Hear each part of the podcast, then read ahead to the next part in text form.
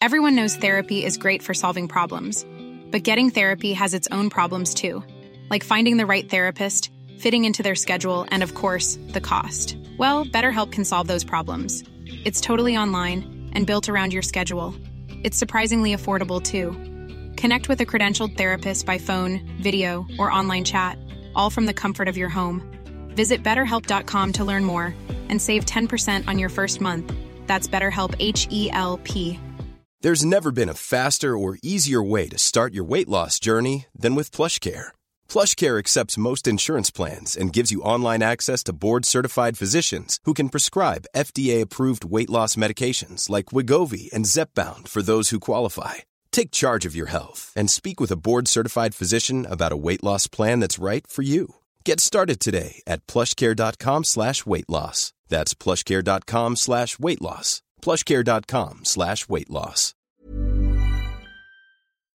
Alltid utenfor. Jeg skulle.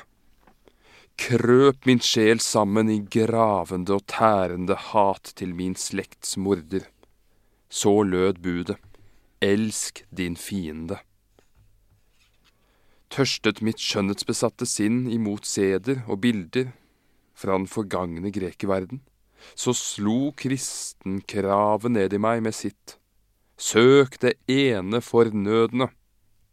Fornam jeg legemets søte lyst og begjær imot dette eller hint, så skremte forsagelsens fyrste meg med sitt. Av du her for å leve hisset. Det menneskelige er blitt ulovlig efter den dag da seeren fra Galilea tok verdensstyret. Å leve er ved ham blitt å dø. Å elske og å hate, det er å synde. Har han da forvandlet menneskets kjøtt og blod? Eller er ikke det jordbundne mennesket blitt ved å være hva det var? Vår sunne, innerste sjel reiser seg mot dette. Og dog skal vi ville tvert imot vår egen vilje. Vi skal, skal, skal.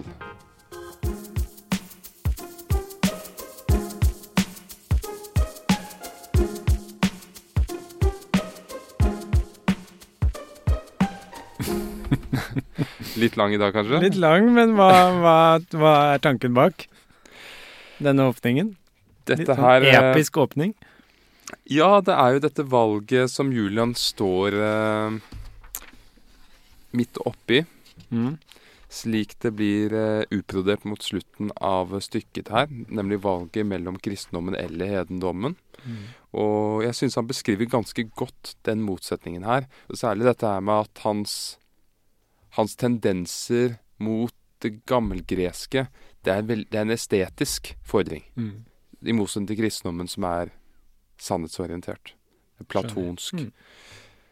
Dette, dette med at, eh, at hans skjønnhetsbesante sinn tørstet imot bilder fra den forgangne grekerverdenen. Mm.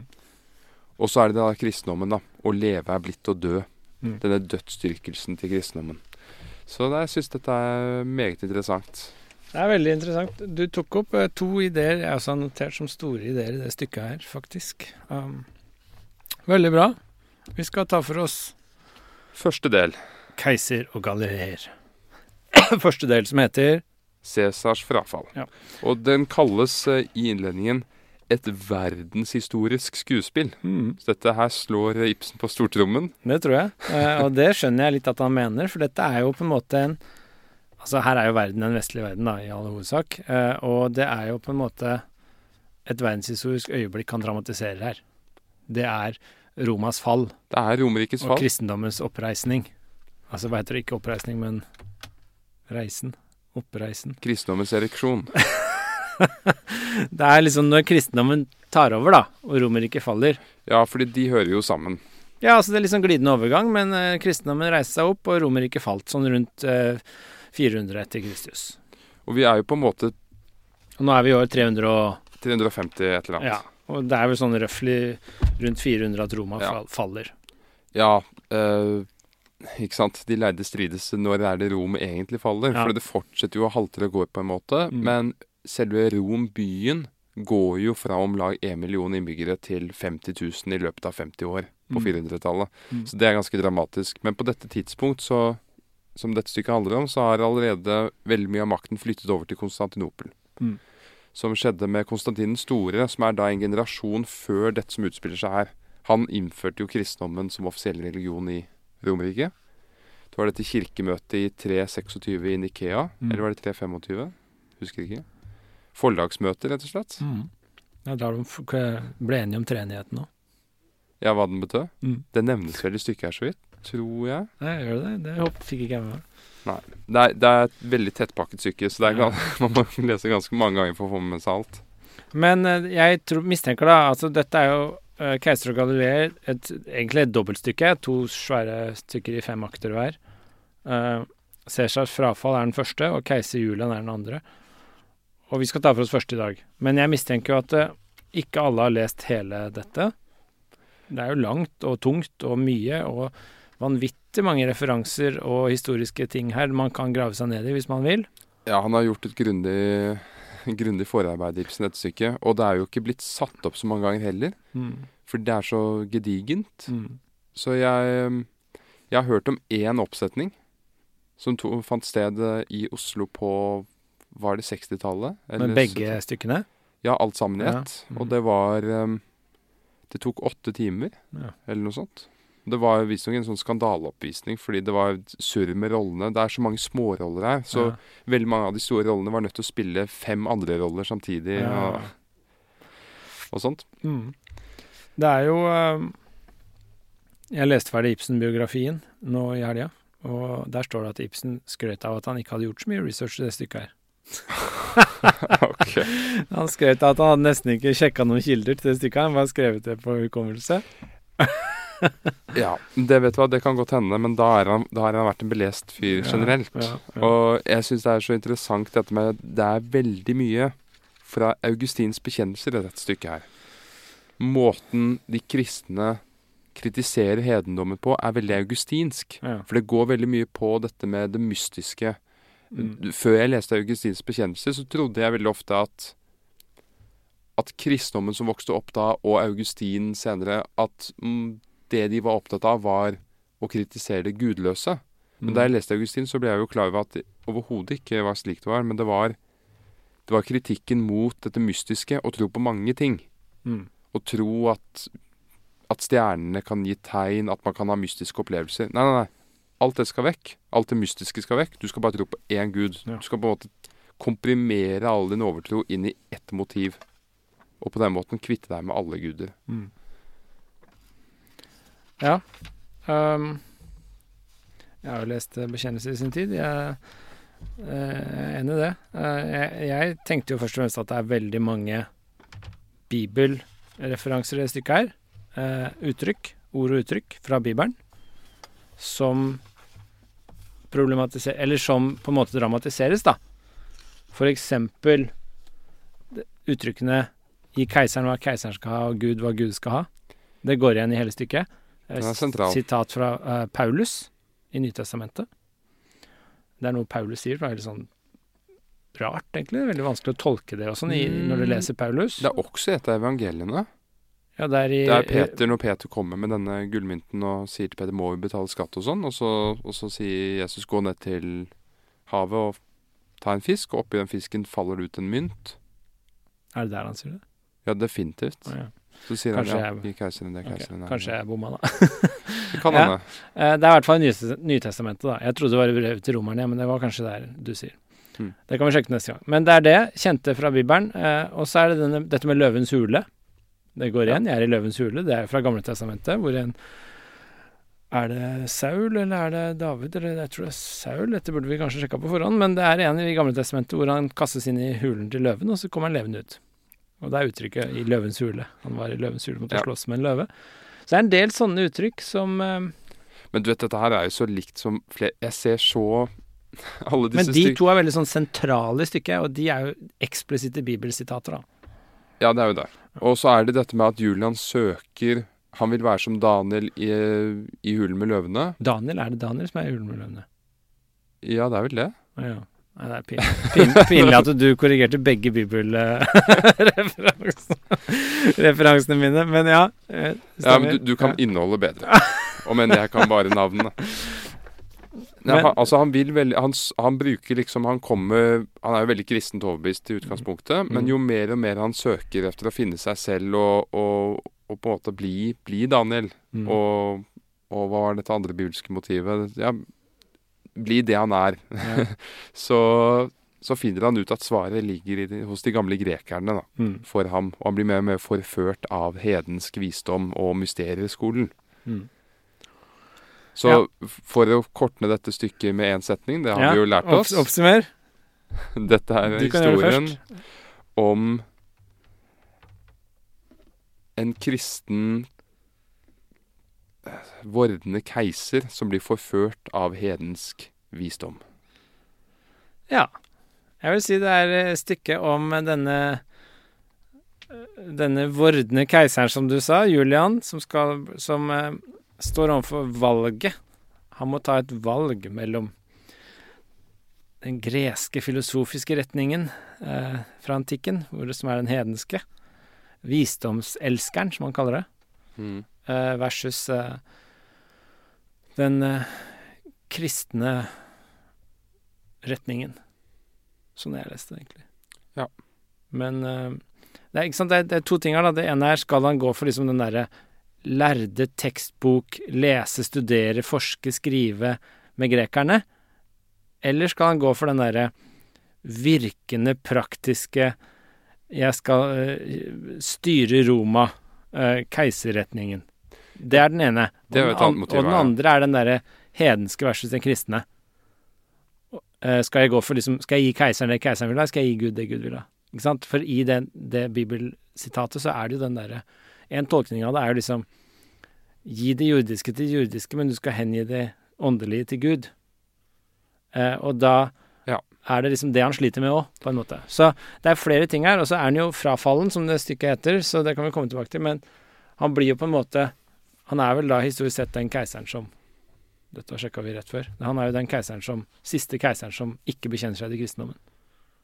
Ja, eller som faktisk forlater den. Ja. Uh, og det gi til keiseren det keiseren er det, er, det er en interessant historie med Peter som kommer bort til Jesus og, og klager over Jesus at de må betale skatt, for Mm. har ikke vi høyere forsyn og sånn. Ja. Og så Der tar jo Jesus Peter i det Peter gjør så ofte, at han blander sammen det himmelske og det jordiske. For, jo, ja, selvfølgelig, vi, vi skal betale skatt fordi keiseren er hva keiseren er, Mm. Gud er hva Gud er. Det er to forskjellige ting. Mm. Og jeg sy- syns det Jeg er jo meget skeptisk til Peter. Ja. Fordi han, han prøver, å, slik jeg ser det, å danne himmelen på jorden. Han er en slags uh, antikrist. Mm. Det er i hvert fall min, min tolkning av dette med at han eh, legger seg på korset opp ned. Jeg har ikke hørt så mange snakke om det, men jeg, jeg syns det er litt rart. For han, han forsøker å bygge en fysisk kirke, og jeg mener at det er litt spesielt. I forhold til det Ja, han Jesus får litt, han får litt oppdraget, da. Å danne kirken på jorden. Av hvem? Av Jesus, tror jeg.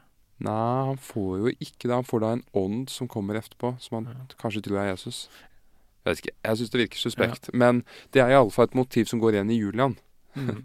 Dette med det himmelske og det jordelige. Og, og som, jeg, har jo lest, jeg har lest litt om dette stykket fra før av, så selv om jeg ikke har lest andre del, så vet jeg litt hvordan det, Ja, dette ender. jeg ikke skal del skal ikke spolere noe, men, men han gjør vel, Julian gjør vel kanskje den feilen, da. At han forsøker å danne himmelriket på Ja. jorden. Mm.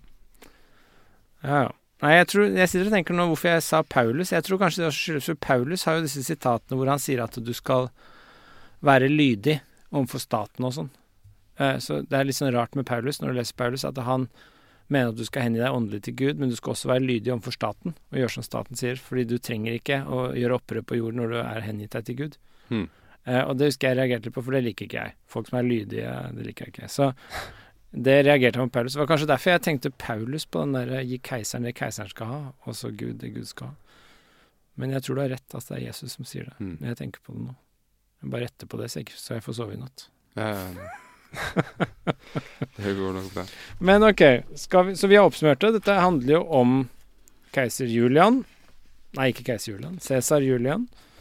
Som eh, Altså, er det ikke Per Gynt igjen da, bare i Romerike? Dette, dette er jo en fyr som strever med å finne seg selv og sin plass her i verden. Ja, men jeg føler at forskjellen på Per Gynt her og Julian er jo at Julian står ganske konkret mellom to ting. Det, Ja. det gjør ikke Per Gynt. Han er mye mer vinglepetter, Ja, altså, så han minner kanskje litt mer om Catelina i, i så fall. Ja, egentlig. Fordi han står mellom to ting her på Julian. Det er skal jeg gå for keisertrona, eller skal jeg gå for studier? Skal jeg studere og lese bøker i Aten, eller skal jeg gå for keisertrona i, i eh, Ja, Men også som du nevner, er det, er det kristendommen eller er det mysterieskolen jeg skal Ja. gi meg hen til? Og dette er jo et punkt i verdenshistorien hvor kristendommen bryter inn og tar, begynner å komme på beina. Så det er jo på en måte et verdenshistorisk drama sånn sett. Han dramatiserer jo disse store hendelsene. Og i Det foregår i Julian, liksom. Hele verdenshistorien snurrer jo rundt inni Julian. Ja. Så det er jo veldig sånn Og det er jo det, dette vi har snakket om mest i Europa siden det skjedde. Romerrikets fall. mm, Og um, hele stemningen i dette stykket så syns jeg Ibsen gjør et godt arbeid. Ja. Fordi du kjenner liksom på denne Denne Hva skal jeg si? Denne Det er kaos. Ja. Det er ikke noe enighet. Det er, det er mm. Hva skal man kalle det? Nei, Han sier et par ting, sånn som Julian sier på et tidspunkt at han er i løvens hule. Fordi han er liksom under keiseren, men så vil han ikke, så vil han litt, og så føler han hele tiden at han må slåss med, med liksom løven inni den hula. eh, For å, og så sier han på et tidspunkt at eh, han legger seg hver kveld i håp om at det ikke er siste dagen. Altså han, han føler at hver kveld han legger seg, at han ikke våkner igjen. Noen kommer til å drepe han i søvne. Når var dette Eh, kanskje i tredje-fjerde akt. Altså, så, men poenget er at han sier han, Det illustreres ganske godt hvor, hvor redde folk, paranoide folk er, da. Rundt omkring Julian. Altså alle er litt paranoide og litt stressa hele tiden for at keiseren skal ta livet av dem, eller at noen skal forræde, være forrædere, eller altså Hysj, det er noen utafor døra. Det er veldig mye sånn. La Mm. ikke du merke til det? Det er veldig mye paranoia i stykket her. Jo, det er vel i fjerde akt, når han er blitt Cæsar. Ja, mest der kanskje, men flere steder så er det jo ja, han ene forråderen òg. Så som du sa, kaos. Jeg er enig. Uh, men Men jeg, Du merker jo det i åpningen hvor denne stemmen hvor alle lurer på hvor hverandre står. For dette Mm. er jo den tiden. Det er 30 år siden det blitt kristent.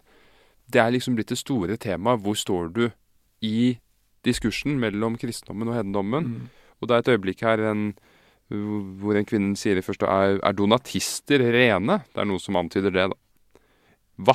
Donatist? Er du en donatist? Hva nu? Er ikke du det samme? mm. Så til og med en donatist er vel en type kristen, antar jeg. Så Jeg også la merke til åpningsscenen, for de begynner å slåss. Det er litt sånn tegn på kaos. Jeg tenkte litt sånn Det er et tegn på hvem du er, hva du er. Det er identitetspolitikk, da. Og det så, er det der, og så ender de opp med å slåss. Folkemengden driver og ruller rundt og slåss litt eh, i åpningsscenen. Så det, det er jo symbolsk for liksom tilstanden akkurat i Europa på det tidspunktet var litt kaotisk. Det var Ja. litt omveltning, et vendepunkt, og skulle vi gå dit eller dit, i den eller den retningen, skal vi gå for de eller de, skal det være keiser, eller skal det være boklærd, eller Det var liksom tiden for å ta et valg, da. Eh, og det er jo litt sånn i vår tid, er det ikke? det? Identitetspolitikk. Men I stedet for å slåss ute på plassen, så driver du i kommentarfeltene. Mm. Ja. Ja, det er, eh, vi er en mindre vital utgave av Romerrikets fall, Ja. kan man kanskje si. Det er mindre som står på spill, liksom. Men eh, stykket åpner jo opp i Du blir liksom ikke drept hvis du sier noe gærent, du blir bare utestengt fra Facebook.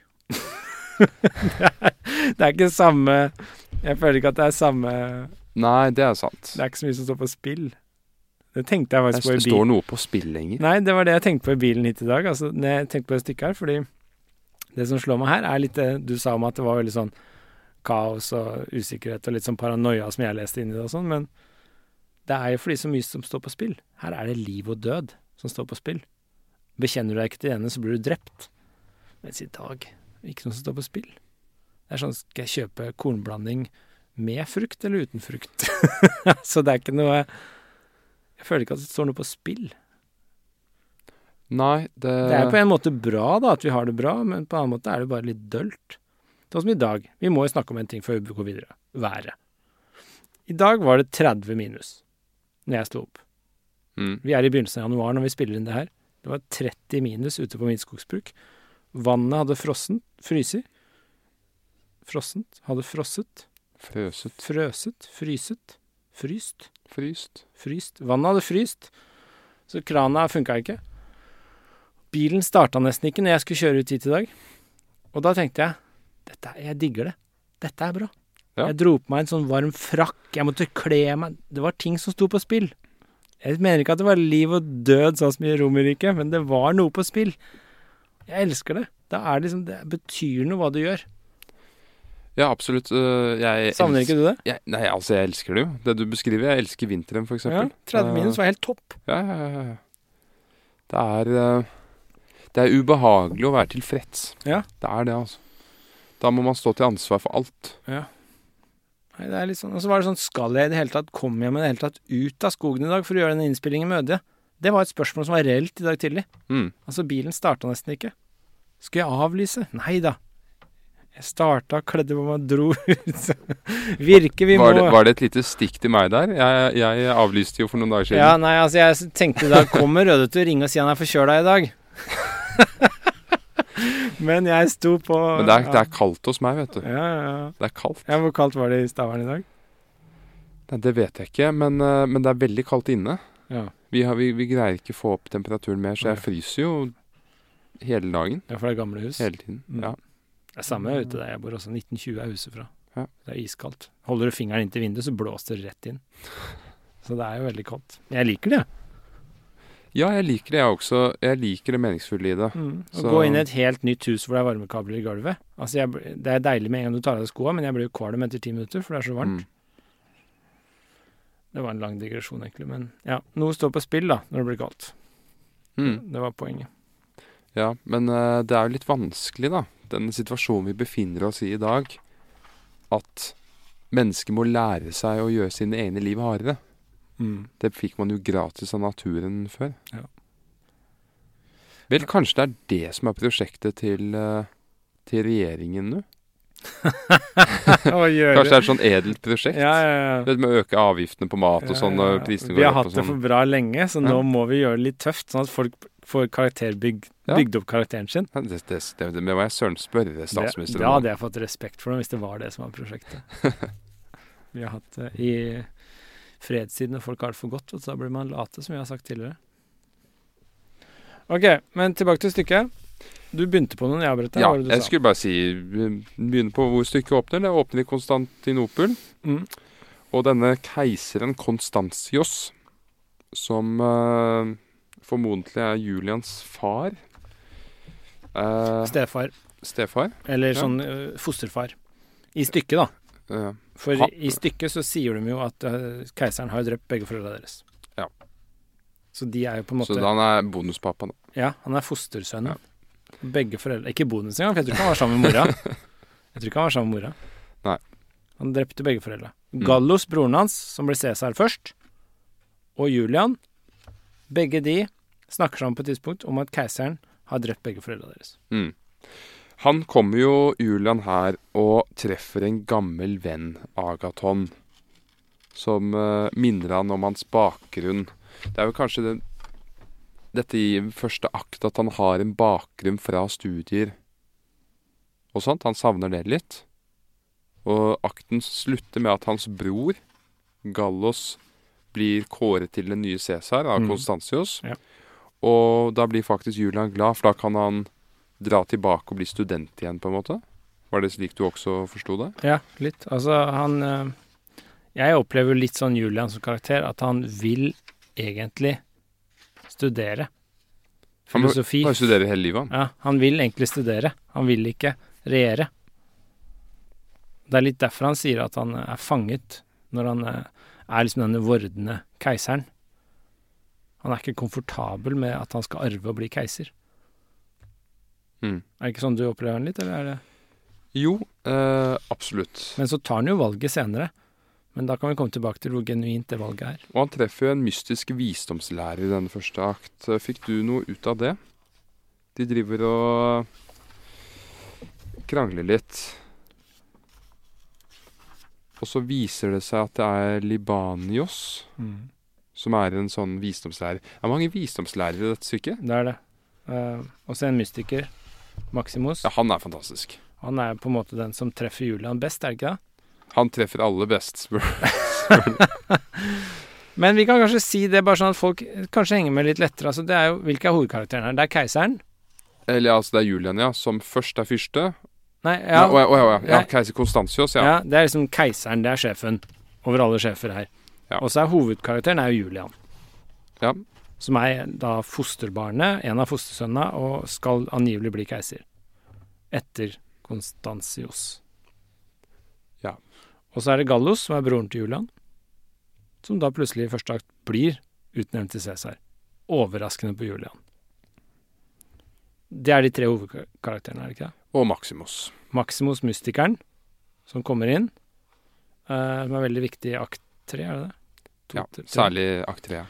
Og så er det noen visdomslærere, som Libanios blant annet. Og så er det jo Helena etter hvert, som blir da kona til Julian. Dette er vel hovedkarakteren, er det ikke det? Og så er det en haug med bikarakterer. Mm. Uh, men uh, det er liksom det viktigste karakterene her. Og plottet er jo at Gallos plutselig blir utnevnt til Cæsar, og da drar Julian i lære. Ja, og nå husker jeg det. Denne mystiske visdomslæreren som treffer ham i mørket, Mm. Opplyser jo denne Julian om at mye holdes skjult for ham Mm. av keiser Konstantius. Han, han sier uh, for eksempel Det er for keiserens skyld at hans unge slektning holdes borte fra visdomsvennene.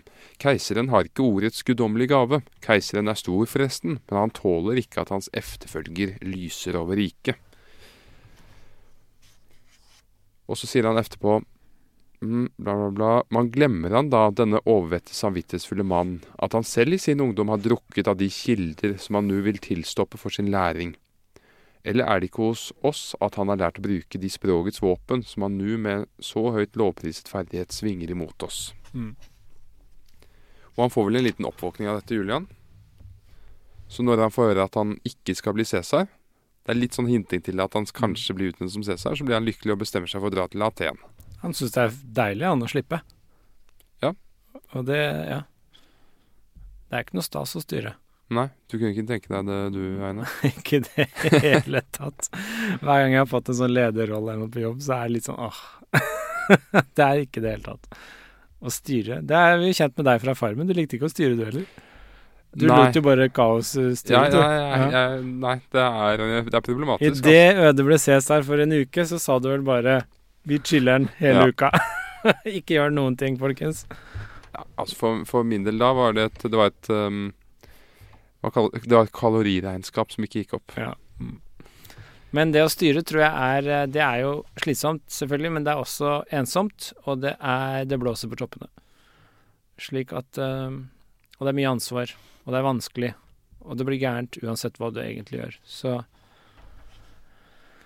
Julian vil liksom ikke styre, han vil studere, han. Sånn sett så kjenner i hvert fall jeg meg veldig igjen i Julian på akkurat det punktet. Gjør du òg? Heller eh, lese en bok enn å måtte styre folk. Ja, absolutt. Jeg kjenner veldig på det nå, for jeg har jo drevet med dette museumsprosjektet lenge. Ja, Og det, da er man en keiser. der er du litt Cæsar. Ja. Mm. Og det er, det er som å være gift med alle du holder styr på. Du må følge dem opp, og Mm.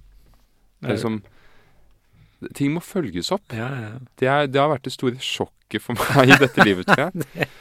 Hvor meget som må følges opp. Mm. Det er sånn det er å styre.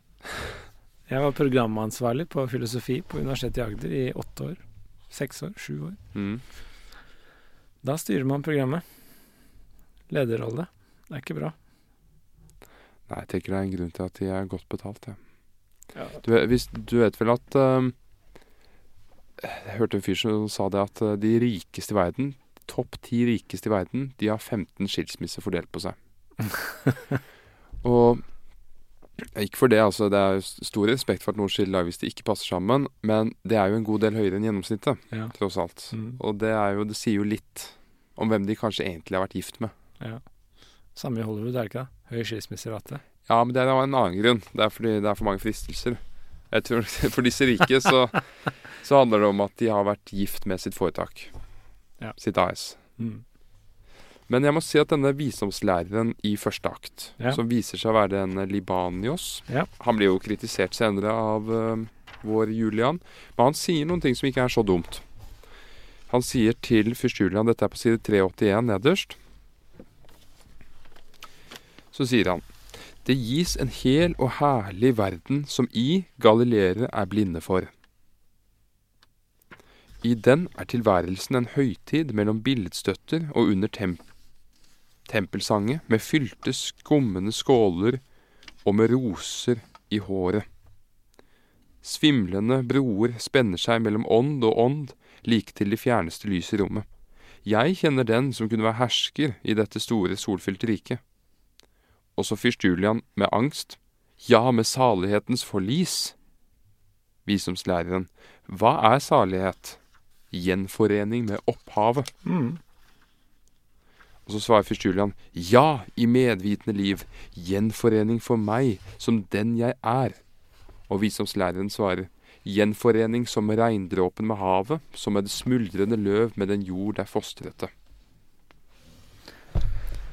Ja, jeg la også merke til den der gjenforeningen med opphavet. Mm. Fordi det var også litt derfor eh, Jeg har tenkt veldig mye Paulus i det stykket her, fordi Paulus prøver jo nettopp å, å liksom skape Omvende alle folk til åndelig hengivelse til Gud. Eh, og det er, på, det er på en måte saligheten for Paulus.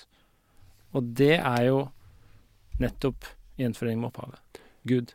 Altså Ja. dette er en kristen tenkning, tankegang, ikke sant? Altså Jeg tenkte det komplett motsatte, så det er interessant at du sier det. Men Saligheten er jo å gjenforenes med det som skapte deg. Ja. Hele bibelfortellingen, sånn jeg leser det fra perm til perm, er jo nettopp fallet i Mose, første Mosebok, hvor syndefallet. Og så handler hele bibelen om gjenforeningen, å komme seg tilbake til Gud. Ja. Alt handler om å komme hjem igjen, som vi har snakka om tidligere. Men da blir jo det store spørsmålet hvor er hjemmet? Fordi når jeg leser om denne gjenforeningen med opphavet, som jeg også syns er helt nydelig formulert, Mm. Så tenker jo jeg at menneskets gjenforening med opphavet, det er sitt kjøtt og blod. Det er ikke noe Ja, men det er fordi du er en hedning. Ja, men det er helt, helt riktig. For de kristne er det jo ikke det. Nei. Der er jo gjenforening med opphavet. Saligheten selv er jo Guds kjærlighet. Det er Gud. Så når du Ja. kommer deg tilbake til og inn i Gud, og du blir en del av Gud igjen Når du sitter på hans fang, metaforisk sett, høyre fang, eller eh, du liksom du forenes med denne uendelige kjærligheten, da er du gjenforent med opphavet. Det er saligheten. Ja, men det, den, dette, Så visdomslæreren sier jo bare kristne lærdommer. men dette her, motivet kommer jo tilbake litt senere, er det i andre eller tredje akt. Og jeg har jo en inntrykk av at spørsmålet om hvor opphavet er, blir stilt spørsmålstegn ved. Ja, Blant annet når Mm. denne Maximus kommer inn og sier det, dette fantastiske med at det ligger i vinen. Vinen Mm. er druer som har modnet seg. Det, dette er sånn Mm. hedonistiske ting som jeg er veldig tilhenger av. Jeg håper jeg ikke får noen Men ja, jeg tror, kristne på, på Ja, men jeg tror det du sier nå er helt riktig. Dette er jo kjernen i stykket, som jeg ser det. Dette er jo kampen Julian står i. Det er mellom Skal han gå for himmelriket eller jordriket? Og skal han gå for kristendommen, Gud eller hedningsriket, eller hva det heter? Altså anti... Ja. De ikke-kristne. Skal han gå for det filosofiske ukristne, eller skal han gå for det mer sånn dogmatiske kristne? Eller skal han gå for jordriket og være keiser, eller himmelriket og være hengiven kristen? Men det er jo tre. Han kommer med et forslag om tre. En tredeling i andre akt. Husker du det? Hva er tredelingen, da? Det var vel uh, Guderiket, og så var det keiser... Vi, vi får finne det. Ja. Uh, det tredje var iallfall Mysterieskolen. Det er den som er så interessant. Ja. Fordi Mysterieskolen, det, det er jo uh, bygget på dette motivet med druen som blir til vin. Mm. Det er verken himmelen eller jorden, Ja. men det er beåndet, på en måte. Det liker jeg. Ja. Det er der jeg hadde endt opp, tror jeg. Ja. Hva med deg? Absolutt. Jeg er veldig opptatt av Mysterieskolen. Dette her er jo i, i eh, Hva het den? I Aten. Det var um, Det startet opprinnelig i Egypt, tror jeg, men de fikk det i disse elysiske, disse elysiske slettene. Mm. Og de siteres da i andre akt. Mm. Mysterieskolen fra Elysium. Men jeg syns jo det her er veldig eh, Vi ser liksom dilemmaene her. Vi ser det er veldig sånn Litt sånn kirkegårdsk over det, faktisk. Dette med enten-eller. Du må velge, og du kommer til å angre uansett hva du velger. Det ligger jo litt i det her. Altså velger han keiser, så angrer han. Velger han kristendommen, så angrer han. Velger han jorden, så angrer han. Velger han himmelen, så kommer han til å angre. Han klarer ikke ordentlig å velge i dette første det. stykket. Og det er liksom den Hamlet-ideen. Altså, du får ikke ut fingeren til å ta et valg. Og da blir du bare i skjærskillet, du blir vinglende imellom. Og så får du aldri fullendt noen ting. Det er en Ibsen-gjenganger, sånn jeg leser alle stykkene hans, og det er veldig eksplisitt her, da, med Julian. Ja, men i slutten av første akt så- virker han jo veldig sikker. Straks han får vite at han ikke blir Cæsar. Jo, men så skifter han mening. Og i slutten av fjerde akt er han også veldig sikker, eller er det tredje, når han bestemmer seg for å bli Cæsar. Jo, men jeg, jeg mener bare at jeg mener, Han var nesten på riktig vei til sitt kall. Ja. Han skulle blitt bare filosof. Jeg er enig, men det er liksom det som er litt sånn greia her med Julian, tror jeg. Altså han, først så går han for å bli filosof. Og så går han for å bli keiser. Eller eh, Cæsar.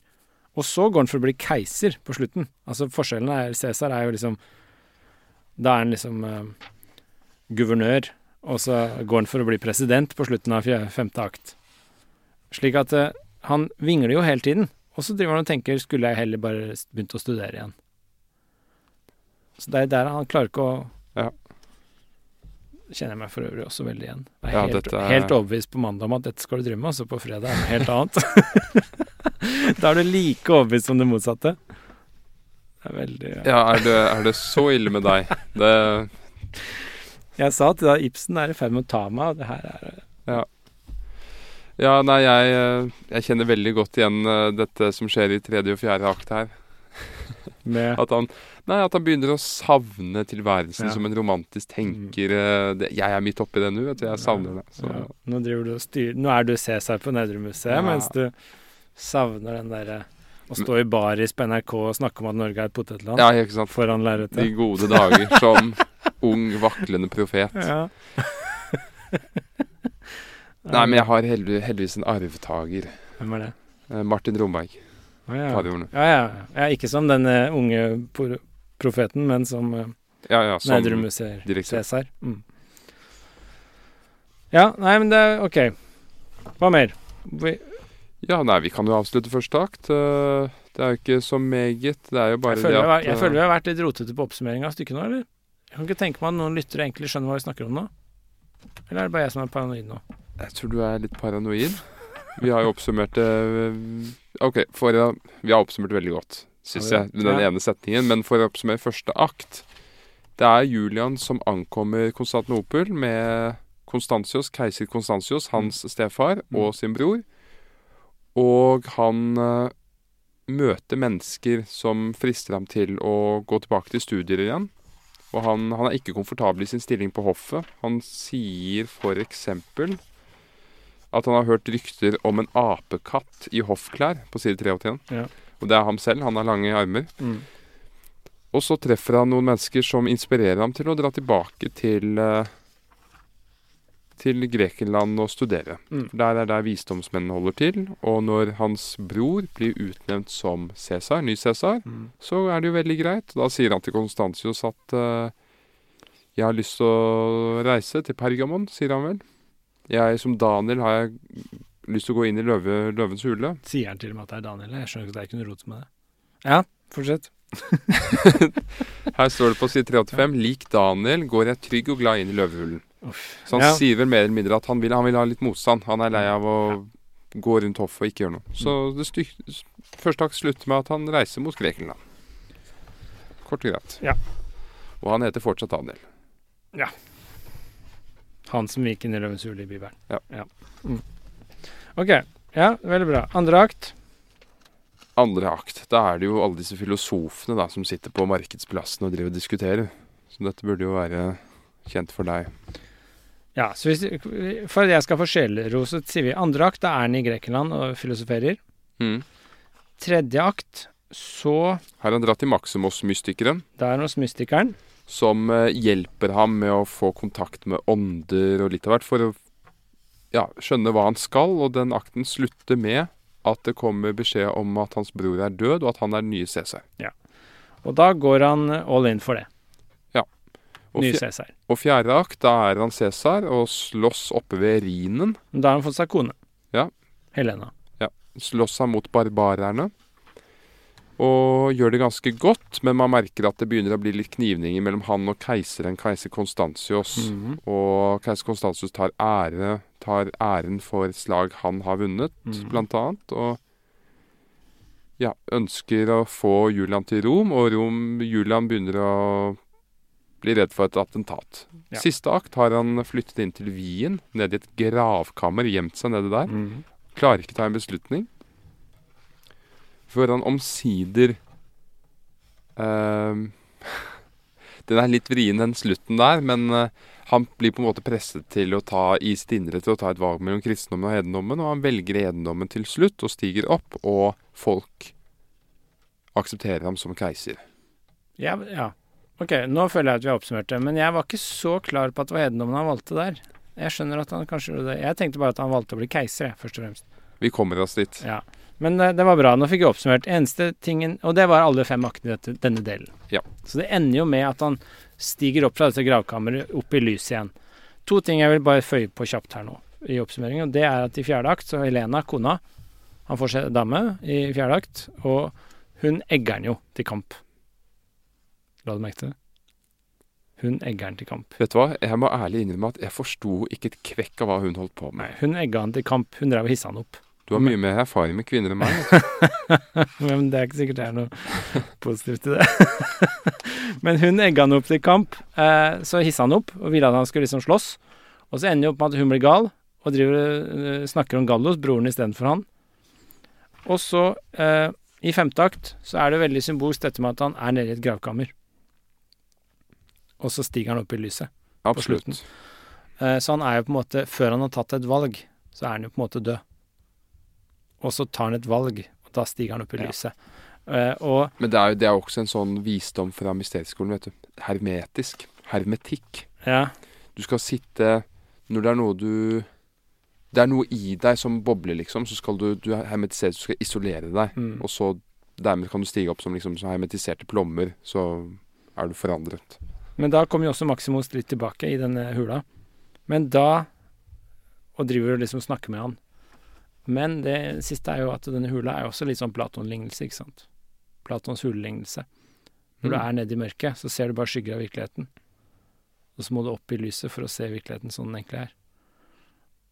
Og Julian er jo nede i dette gravkammeret og driver og vakler. Og ryktet er litt om at han bare er feig, at han ikke har turt å ta et valg ennå. Ja, ja. Og så bestemmer han seg for å gå for keiserriket i sin helhet. Han går for toppen, ikke sant. Han er ikke lenger fornøyd med å være guvernør, nå skal han bli president. Og da stiger han opp i lyset. Og det syns jeg er veldig sånn sy viktig symbolikk i femte akt. Og bare sånn Han sier til slutt, ikke sant, når han stiger opp så kommer han opp eh, Vi kan ta det til slutt etterpå, men han kommer opp i lyset, så er det veldig viktig. Siste Cæsar Julian. Blendet av lysningen. Ah, sier han idet han kommer opp. så han kom, og så roper mystikeren Maximo seier. Så han kommer opp i lyset og blir blendet av det. Av virkeligheten, egentlig. Så det kan vi komme tilbake til. Men nå Mm. føler jeg at vi har oppsummert bra. Ja. For da har vi liksom hele plott i denne delen for oss. Nå kan vi gå tilbake til der vi var. Ja. Andre akt åpner med at man er eh, i Aten, åpen plass, omgitt av søylegange. Så sitter det en del visdomsmenn der som eh, filosoferer, og så ser de at Julian ankommer. Og her blir det jo litt sånn Hva skal man kalle det når filosofer krangler sammen og kommer med vittigheter? Sofisteri, eller? Ja, Hvis man bare sitter og krangler om øh, litt sånn ordspillaktig, og det handler om retorikk og, og fame and glory og ikke sannhet, Det er da, er sånn det, der, ja. da er det sofisteri. Men det er jo litt det som foregår i, første, i åpningen her, med Julian som begynner å, begynner å ta opp igjen dette med gi keiseren det keiseren er, og spille litt på det.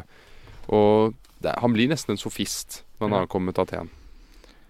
Ja, altså da er det Men han er jo veldig opptatt av sant, Det er det som er sånn trikset med Julian her. Han er jo på en måte veldig opptatt av sannhet. Han kaller seg visdomselsker. Det går igjen, det uttrykket 'visdomselsker' går jo igjen flere steder her. Uh, og du vet hva det er, ikke sant? Vet du hva filosofi betyr? Visdomselsker. Ja. Filos og Sofia. Det er en venn eller elsker av visdommen eller sannheten. Så en filosof er en visdomselsker, og det går igjen her. Og det står f.eks. nederst Eller i, på, i begynnelsen av andre handling så står det 'Lær herav i unge hvor ille det kler en visdomselsker, og hvor ringe det lønner seg å eftertrakte de goder som ligger utenfor sannheten'. Så en visdomselsker skal jo gå for sannheten. Ja. Og ikke bare alt annet pynt og fjas, som er det sofisten egentlig driver med. Ja, men sofistene drev jo først og fremst Altså, sofistene fikk et veldig dårlig rykte pga. Platon. Fordi det ble etter hvert at de bare søkte å fange folk i retoriske Med sånne retoriske feller. Ja, men de tok også betalt. Det var veldig sett ned på. De tok betalt for å lære bort å snakke, heller enn å liksom søke sannheten for dets egen skyld. Men uh, Simei Fysjulian han oppfører seg som en sofist her. Det gjør han vel. Han kommer frem, og så sier han Tillat meg å kaste et ord i overveielsens vektskål. Jeg er en gresk borger. Hvor meget er en gresk borger keiserens skyldig? Og Gregor fra Nazian svarer hva keiseren krever. Godt, men hvor meget? Ja, svar nu som om keiseren selv var til stede i retten. Hvor meget tør keiseren kreve? Gregor svarer alt. Fyrst han sier. Det var sannelig svaret som om keiseren selv var til stede, men nå er det en knute. Til det står skrevet gi keiseren hva keiseren er, og Gud hva Gud er. Mm. Og hva så, sier Gregor. Fyrst Julian. Så si meg, o kløktige dommer, hvor meget av mitt hører Gud til? Alt. Og hvor meget av Guds eiendom har jeg lov til å gi keiseren? Gregor. Kjære venner, ikke mer av denne lek. Lærlingene. Jo, jo, svar ham. Fyrst Julian. Hvor meget av Guds eiendom tør keiseren kreve? Gregor. Jeg svarer ikke. Dette er usømmelig både imot Gud og keiseren. La meg komme bort. Mange stemmer. Slå ring om ham. Forskyld ham. Hold ham fast. Hva, du høyst uheldige dommer, du har forplumret keiserens sak, og nå vil du slippe fra det. Du vil flykte. hvorhen, hvorhen, Til skyterne? Frem for meg, svar meg, i keiseren og visdommens vordende tjenere. Har han ikke villet unndra seg keiserens makt? Så det der, det der oppfatter jeg som bare sånn Bare krangling. Jeg gjør ikke det. Du gjør ikke det? Nei. Altså, det minner meg litt sånn Jeg tror det minner meg litt sånn sokratisk metode. Altså, Sokrates har jo blitt beskyldt for å være en sofist. Ja, Helt Ikke enig. Han går, han går rundt i gatene og bare kvarulerer. Og stiller spørsmål ved alt og alle hele tiden. Det er en veldig vanskelig fyr å omgås. Eh, og han er blitt kalt en sofist. Men sånn jeg leser det, så er han jo ikke en sofist. Han er genuint Han spiller jo litt på retorikk og leker litt med folk og gjør litt narr av det. Han er mye ironisk, ikke sant? Og litt sarkastisk. Men innerst inne så søker du visdommen. Du søker å avsløre Mm. og tar sløret av all falsk og skinnhellighet. Og det er litt sånn jeg opplever Julian. Han søker innerst inne sannheten. Og derfor så er han ikke en, en Derfor er det ikke bare sofisteri. Ja eh, Han tror iallfall det. Um, Du smilte lurt nå, hva mener du? Er det ikke Nei, enig? altså den eneste forskjellen jeg kan høre her, er at disse sofistene i så fall tar seg betalt, og han tar, tar seg ikke betalt. Men Ja, er ikke teknikkene er jo de samme. Jo, men de er ikke gen det handler om eh, holdningen. De er ikke genuint interessert egentlig i sannheten. De er bare interessert i å få betalt. Mens Julian er interessert i sannheten. Det er det som er forskjellen. Mm. Tror jeg, da. Det var i hvert fall sånn jeg leste det. Ja. Så jeg syns ikke han bare var en sofist. Uh, han er en visdomselsker, rett og slett. Og det er derfor jeg tror Julian sliter. Fordi han er i hjertet sitt Det er her jeg liksom nesten knekker og begynner å grine når vi snakker om det. Fordi det er liksom psykologtime med herr Ibsen her i dag. Fordi han er i hjertet sitt en visdomselsker. Men så lar han også seg rive med av ting rundt seg hele tiden. Ja, Og Han da sier sliter han. Da Han klarer han ikke å lande en av de. Side 388. Så plutselig jobber han med noe som han egentlig har lyst til å gjøre noe annet, ikke sant. Nettopp. Et- Side 388. Han sier til Gregor Å, du vet ikke, jeg hater denne makt utenfor Ja, meg. Den likte jeg. Forferdende når den handler, enn mer forferdende når den hviler. Ja. Og det er også en sånn gjenganger jeg har strekt under også. Denne makten utenfor som driver og befaler deg hva du skal gjøre. Og det kommer igjen i en senere akt også, denne Når befalingene kommer utenfra, så hater Julian det. Men når befalingen kommer innenfra, da elsker han det. Ja, når han først blir klar over hva de er for noe, da. Ja. Og det er jo hele forskjellen på når drivkraften er noe utenforstående, når det er noe innenforstående. Og det er en kjempeviktig forskjell. Altså når, I den grad jeg i hverdagen blir drevet av formaninger utenfra, så blir jeg deprimert. I den grad formaningene får det til å flyte innenfra, så blir jeg lykkelig. Det er kampen jula står i. Ja, det er det. Og det Det er den du står i òg, når du driver og og, og styrer Nedre museet. Og da har du begynt å få masse befalinger utenfra du må forholde Ja. deg til. Og så savner du den tiden i baris inne på låven hvor du kunne stå og male. Ja. Godt oppsummert. Så dette er jo på en måte veldig sånn dyp menneskelig psykologi, som jeg tror stikker i Julian her, da. Ja, og det er jo derfor han begynner å la seg forføre av denne mysterieskolen, akkurat som meg. Jeg har også latt meg Mm. forføre av mysterieskolen det Ja. siste året. Her, rett etter det jeg nettopp leste, så sier Gregor, som er veldig kristen, Mm. han sier 'vær ærlig, venn', sier han til Julian, og si meg om det er blott dette som har lett deg inn på alle de selsomme veier. Og så svarer fru Julian 'hva mener du med de selsomme veier'? Gregor sier 'er det sant hva ryktet sier, at du tilbringer dine netter med å utforske de hedenske hemmeligheter i Elyssus'? Mm. Den er sentral. Jeg har en eh, ting her uh, på, Dette er uh, litt under der han sier denne makt utenfor. Han hater denne makt utenfor meg. Så sier først Julian til Gregor må, Og dette er en annen sånn drift i, Gre i Julian som jeg kjenner veldig igjen. Jeg må leve, Gregor. Og dette her, ved visdomsskolen, det er ikke liv. Dette er også en drivkraft i Julian. Altså, han vil, han vil studere, men han slites med at jo mer han studerer, jo mer teori blir det, og mindre praksis. Og så drives han også mot det praktiske. jeg Han vet det, men han greier jo ikke det. han vil leve, og dette er også, ikke sant Når han drives mot å, å ta på seg Cæsar- og keiseryrket, så drives han mot å virke. Og når han drives mot Aten og studier, så drives han mot å tenke og skrive. Han drives også mellom disse kreftene Mm. og klarer ikke å velge. Han må leve, Øde. ikke bare Jo, men, prate. Kan ikke bare sitte og lage podkast, du må leve. ja, men øh, det, er, det er derfor han egentlig Han er ikke noe helt i tradisjonell forstand, enn Julian. Fordi det, det blir jo ganske tåpelig når han lengter efter å virke, og så får han muligheten, og så blir han bare helt tafatt. Ja, men han er litt sånn Dette er jo menneskets kvaler, ikke sant. Han klarer ikke ordentlig å lande på noen av de. Han føler de alle. Ja. Det er det som vi sliter å rives mellom. Velg å gifte deg. Du kommer til å angre. Velg å ikke gifte deg. Du kommer til å angre da òg. Uansett hva du velger, du drives mot begge. Så velger du en, kommer til å angre. Det er Kirkegård. Men ikke alle mennesker er sånn. Han føler litt det. Ikke alle mennesker er sånn.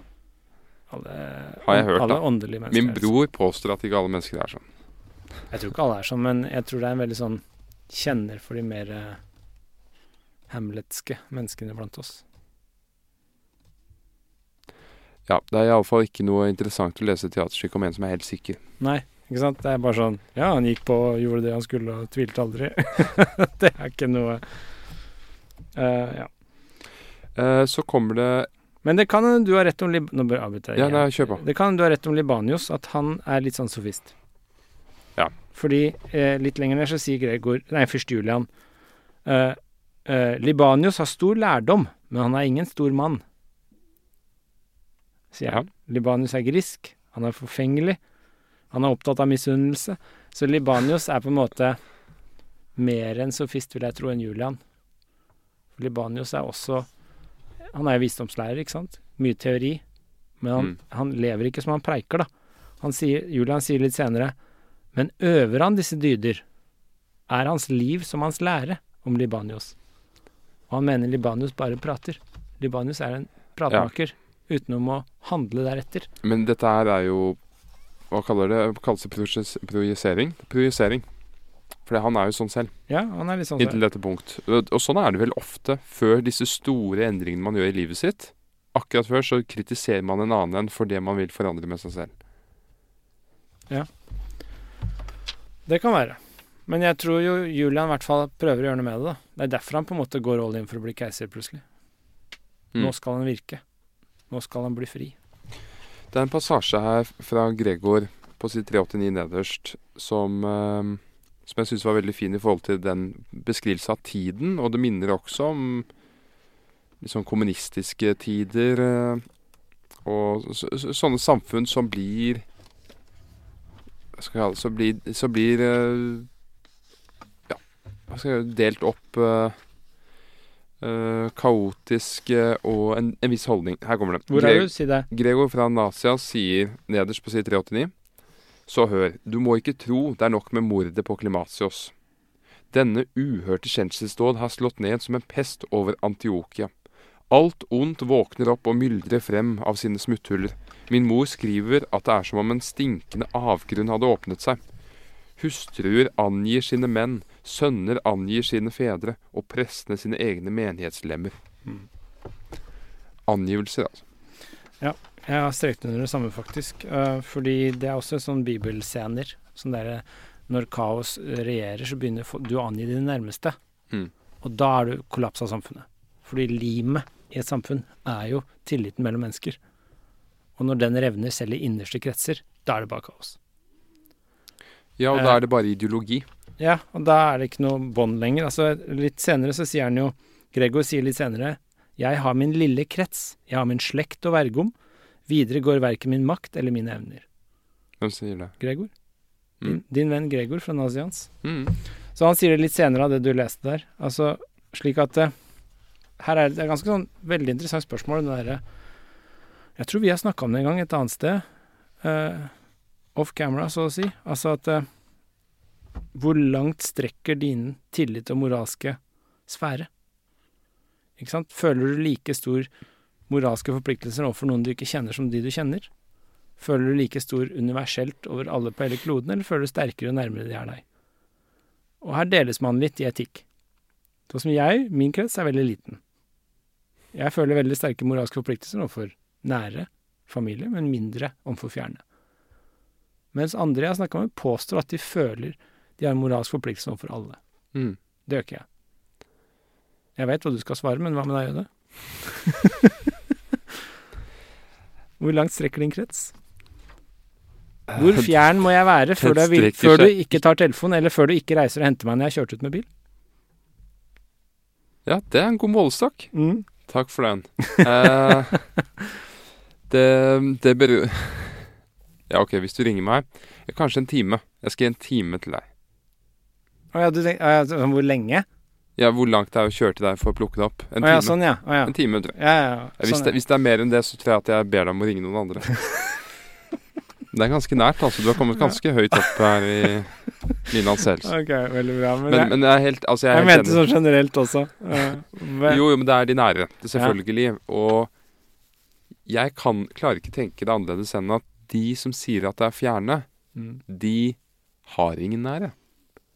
mm. Altså det vil si altså at de, de som er deres nære, de har ikke virkelig tatt dem inn i varmen. De har ikke virkelig åpnet seg for dem, eller gitt av seg selv til dem. De har holdt alle på avstand. Det kan være den eneste Mm. logiske forklaringen.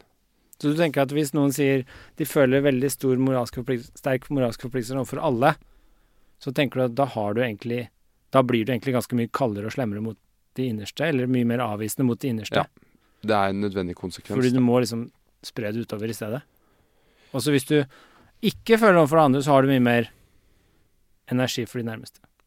Du vet eh, en, en, eh, en ting jeg alltid har reagert på, det er denne historien med dette Stockholm-syndromet.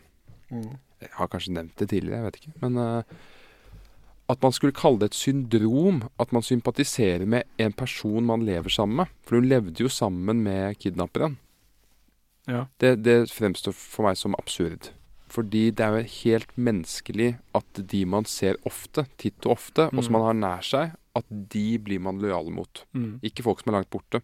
Og det er jo forresten slik sladder og eh, Sladder oppstår, og å snakke ned mennesker oppstår veldig mye fordi de er på avstand. Mm. Og man kan snakke sammen med de man har nært, om hvor fæl den personen som er på Ja, ja. avstand er. Det er helt menneskelig. Folk som er langt borte, du føler ikke med dem. Nei, det er lettere å være slem i kommentarfeltet. Så, så nei, jeg, jeg syns det er meget mystisk med alle disse menneskene som påstår at de sympatiserer veldig mye med folk langt borte. Flyktninger, for eksempel. Eh, det er eh, Altså, det er en fin idé, men, men det er ikke noe mer enn en idé. Det er på en måte en sånn Altruisme er en teoretisk øvelse. Det er en, på en måte en Det er en intellektuell dyd. Mm. Men, men kjenner, det er ikke naturlig for oss nødvendigvis. Ja, jeg tror vi er litt enige her, men jeg kjenner jo noen som er Altså føler oppriktig medfølelse og sympati og empati og alle disse moralske følelsene. De føler de oppriktig Hvordan vet du det? At det er oppriktig? Nei, jeg vet ikke om det er oppriktig, men de sier det, da. At de føler disse følelsene overfor f.eks. da katastrofer, naturkatastrofer, krig rundt om i verden, så føler de for ofrene for det. Og så føler de sånn De får vondt når de tenker på det. De, de føler det. Og det tror jeg kan være oppriktig. Og jeg kan også sette meg inn i en sånn posisjon hvor jeg føler oppriktig sympati og empati og medfølelse med f.eks. krigsofre når du ser nærbilder og sånn, så kan jeg få det. Ja, Den det er følelsen. Sånn, en estetisk reaksjon. Fordi Men- du ser bildene, ikke sant? Ja, og så får du den følelsen, men det er fordi det på en måte kommer litt nærmere via skjermen med bilder og alt. Og da er det jo på en måte en reaksjon på noe som er nærme. Fordi det kommer nærmere. Ja. Og så er spørsmålet hvor Men der jeg kanskje kommer til kort, er at det, det leder ikke til noen handling utover det. Nei, og så er det også det at Jo, som du sier, man ser de levende bildene. Det er en estetisk opplevelse. Det går inn på en. Og jeg tror også at mennesker er flinkere til å bruke synet sitt i dag når de ser på en skjerm, enn når de ser ut i den virkelige verden. For eksempel så er det uvanlig for mennesker å se folk i øynene i virkeligheten. Mens på en skjerm så Mm. tør de det, da. Ja, ja. Så da, da er det jo en risiko for at det blir surr i systemet. At man begynner å bry seg mer om folk langt borte enn sine egne. Og det Mm. mener jeg er umoralsk. Jeg, jeg syns ikke Jeg kan ikke om- om- omfavne den. Nei. Jeg føler forresten ingenting når jeg ser de bildene. Men det er meg. Null, liksom. Er null. Jeg vet ikke hva det er for noe. Eh, kanskje noen kommer til å ta kontakt her og gi meg en uh, psykopatidiagnose. Ja. Nei, men altså, det er veldig sånn interessant filosof... etisk spørsmål, da. Hvor langt din moralske forpliktelser strekker. Eh, men én ting er sånn hvor mye du føler for hvem. Altså, folk føler mye rart for mye forskjellig. Eh, Noen føler for ditt, og noen andre føler for datt. Men også sånn Har du faktisk en moralsk forpliktelse overfor folk du ikke kjenner? Langt unna. Til en viss grad har vi selvfølgelig det. Sånne fremtidige generasjoner til en viss grad. Eh, men jeg tror det er en gradsforskjell her. Altså, jeg hadde ikke tvilt hvem jeg skulle sluppet utfor stup hvis jeg hadde min egen unge i en hånd og en annens unge i en annen. Ja, altså, man har jo prøvd Sovjetunionen Og det mener jeg er moralsk ok, da. Å slippe naboens unge fremfor min egen. Sovjetunionen prøvde jo det ut dette med sitt eh, jordbrukssystem. Hvor alt Alt du produserte skulle leveres til en byråkrat som fordelte maten videre. Mm. Så at du ikke skulle tenke på det nærmeste. Etter hvert så ble det litt vanskelig å overleve, så de tillot at 10% av jordbruket gikk til egen bruk. Og så mot slutten av Sovjetunionen så sto den 10 sto for 90 av Mm. Verdien. Og så, så man har prøvd det, og det fungerer ikke. Uh, fordi det er veldig fint i flotte taler at man snakker om å ofre seg og sånn, men, men det er ikke genuint. Og jeg vil påstå at de som sier at det er genuint, det de beskriver da, er at de føler det genuint, Ja. men de mener det ikke. Nei, de føler det, og jeg tror dem på at de føler det. Men jeg tror, hvis hardt kom til hardt, og det ble faktisk noe som sto på spill her, så hadde de ikke handla på det. Ja, Så det er en, det er en pen det er en, ta, det er en pen tale Mm. i slips og dress, liksom. Men, mm. fordi de lever komfortable, trygge liv. Men hvis det kommer Hvis de blir presset til å ta et valg, Mm. hvis noe står på spill, som du sa, Mm. så tenker jeg Det er kanskje derfor vi er så lett å være så, så altruistiske og moralske i talene, fordi det er så lite som står på spill ja, i eh, dag. For oss. Ja, absolutt. Men den uærligheten har jeg aldri kunnet omfavne. Når jeg sier at jeg føler ikke med folk som lider, som jeg ser på skjermen og sånn, så mener jeg det. Og til en viss grad så er det gått inflasjon i det. Det er så mange sånne sendinger fra utlandet. Det er alltid jordskjelv her, krig der, et eller annet. Og jeg føler veldig lite, og jeg tror det er veldig mange som meg som ikke tør å si det. Mm. Føler du ingenting? Jeg føler ingenting. Jeg tror mine er på sånn Jeg føler liksom sånn litt av og til. Men altså, det leder ikke til handling, men jeg føler litt av og til. Men jeg tror Jeg det har- er null. jeg har blitt rørt veldig før når, når mennesker jeg har møtt, eller mennesker jeg kjenner, har åpnet seg om noe hardt de har gått gjennom. Ja. Da har jeg blitt veldig rørt. ja, men da har du møtt dem, og da er det nært. Da har jeg møtt dem, og det er en personlig opplevelse. Ja at jeg ser at en fremmed gråter på en skjerm, det, fremst, det blir som en film. Det, mm. altså det, det er, er, er, fjernt. Mm. Det er ikke Men du, er du lettrørt? Griner du til filmer og sånn? Nei, jeg er ikke lettrørt. Når grein du sist? Eh, det er jeg usikker på. Men jeg har hatt perioder hvor jeg har vært uh, lettrørt. Mm. mm. Men det Men nei, men det, det er faktisk en stund siden nå. Ja. Ja. ja, det er interessant. Millions of people have lost weight with personalized plans from Noom, like Evan, who can't stand salads and still lost 50 pounds. Salads, generally, for most people, are the easy button, right? For me, that wasn't an option. I never really was a salad guy. That's just not who I am. But Noom worked for me. Get your personalized plan today at Noom.com. Real Noom user compensated to provide their story. In four weeks, the typical Noom user can expect to lose one to two pounds per week. Individual results may vary. Everyone knows therapy is great for solving problems, but getting therapy has its own problems too, like finding the right therapist, fitting into their schedule, and of course, the cost. Well, BetterHelp can solve those problems. It's totally online and built around your schedule. It's surprisingly affordable too. Connect with a credentialed therapist by phone, video, or online chat, all from the comfort of your home. Visit betterhelp.com to learn more and save 10% on your first month. That's BetterHelp, H E L P.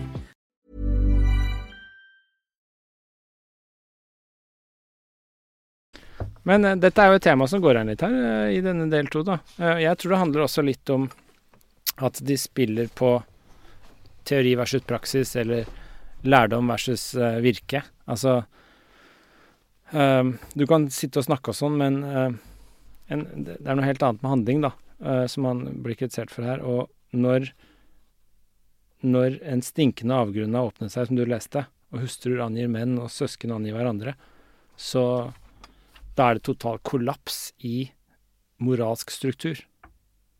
Og det er oppskrifta til kaos. Mm. Hvis du skal bryte ned land, ikke sant, så splitter du familier. Da bryter ned et land, for da blir alle forpliktelser bare rene byråkratiske forpliktelser. Da er det ikke reelt følelsesforpliktelse lenger. Da er det ideologi. Og da Det er måte å splitte opp et land på. Har du sett en Det har du sikkert ikke, jeg tipper du ikke har sett den, men det er en ny film på Netflix nå som er veldig dårlig. Den er fryktelig dårlig. Eh, Den heter noe sånn som eh, Jeg husker ikke hva heter. Det er med Julia Roberts, og det er en film som var populær nå i jula, hvor det er litt sånn samfunnets kollaps. Alt kollapser. Og da er det en scene som er litt interessant der. Og da er det disse De begynner å trenge hjelp. De trenger medisiner. Og så drar de til en nabofyr som har preppa i årevis. Okay. Så han er forberedt. Så han har medisiner og mat og alt i kjelleren, han. Og våpen og beskytter huset sitt og sånn. Ja, ja. Så kommer de dit. Og da står jo han bare og beskytter døra si, ikke sant, og sier nei, nei, dere får ikke noe av meg, dere har ikke forberedt dere i det hele tatt, dere er deres skyld. Ja. Og det er et veldig godt eksempel på når ting kollapser, og nabolag revner, og folk begynner å angi, og stole, ingen stoler på noen lenger. Da er det da samfunnet kollapser, og de internt i huset hans, da, så har de ikke brutt sammen ennå.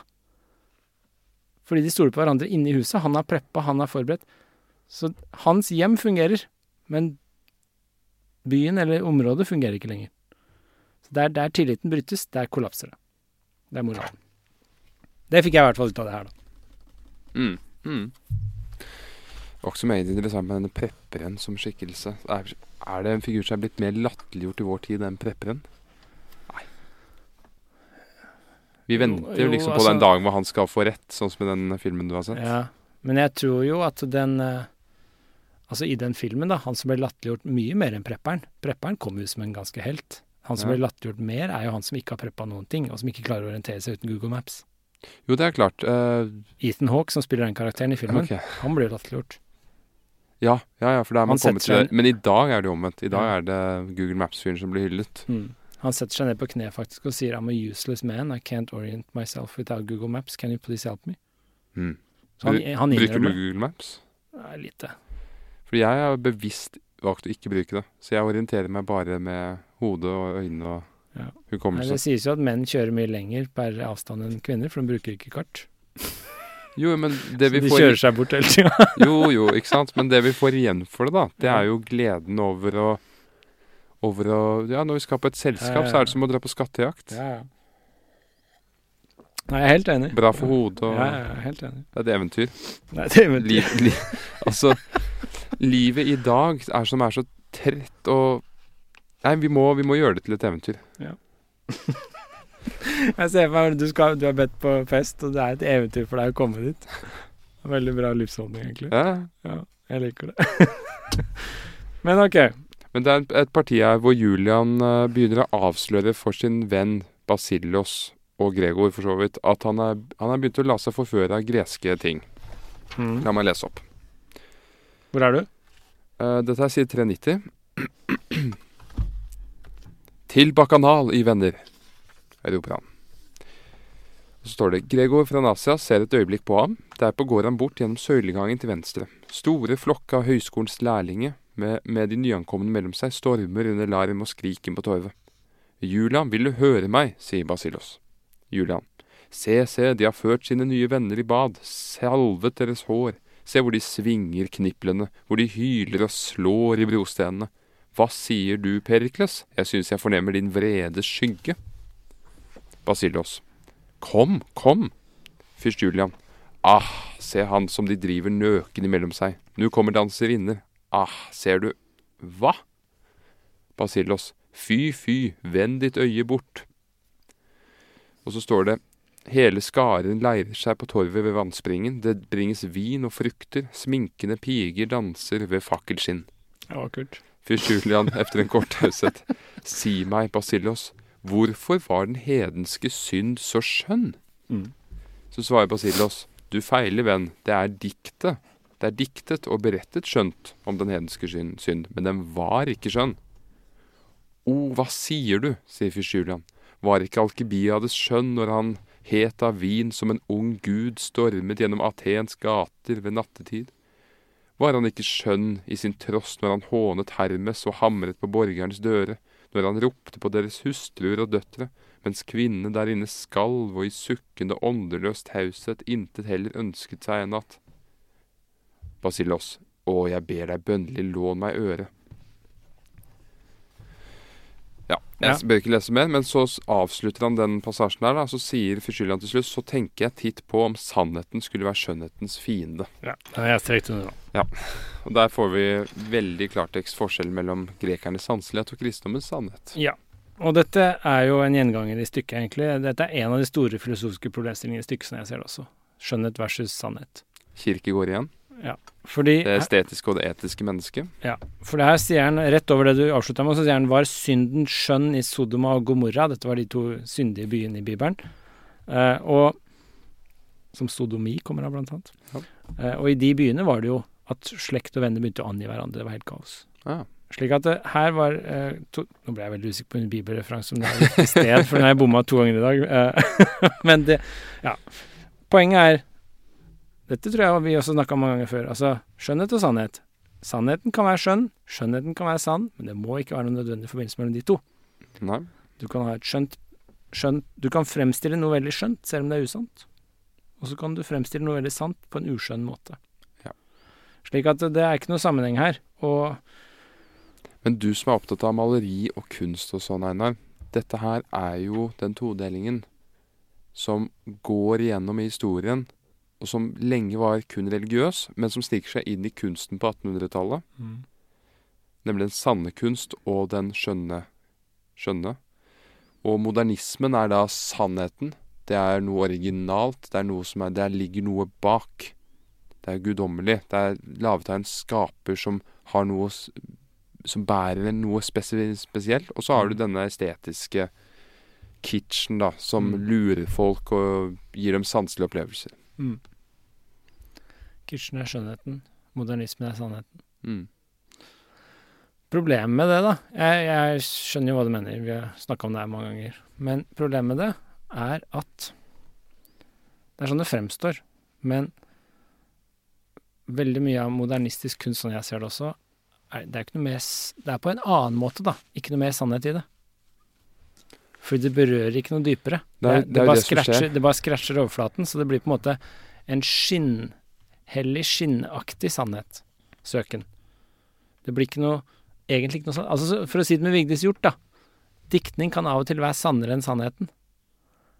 Ja, det er Aristoteles. Og det tror jeg er eh, også noe ikke sant? Når du uttrykker noe som berører oss veldig, så kan det si oss noe mye sannere enn om du formulerer det på en korrekt måte, som på en måte stemmer mer med fakta.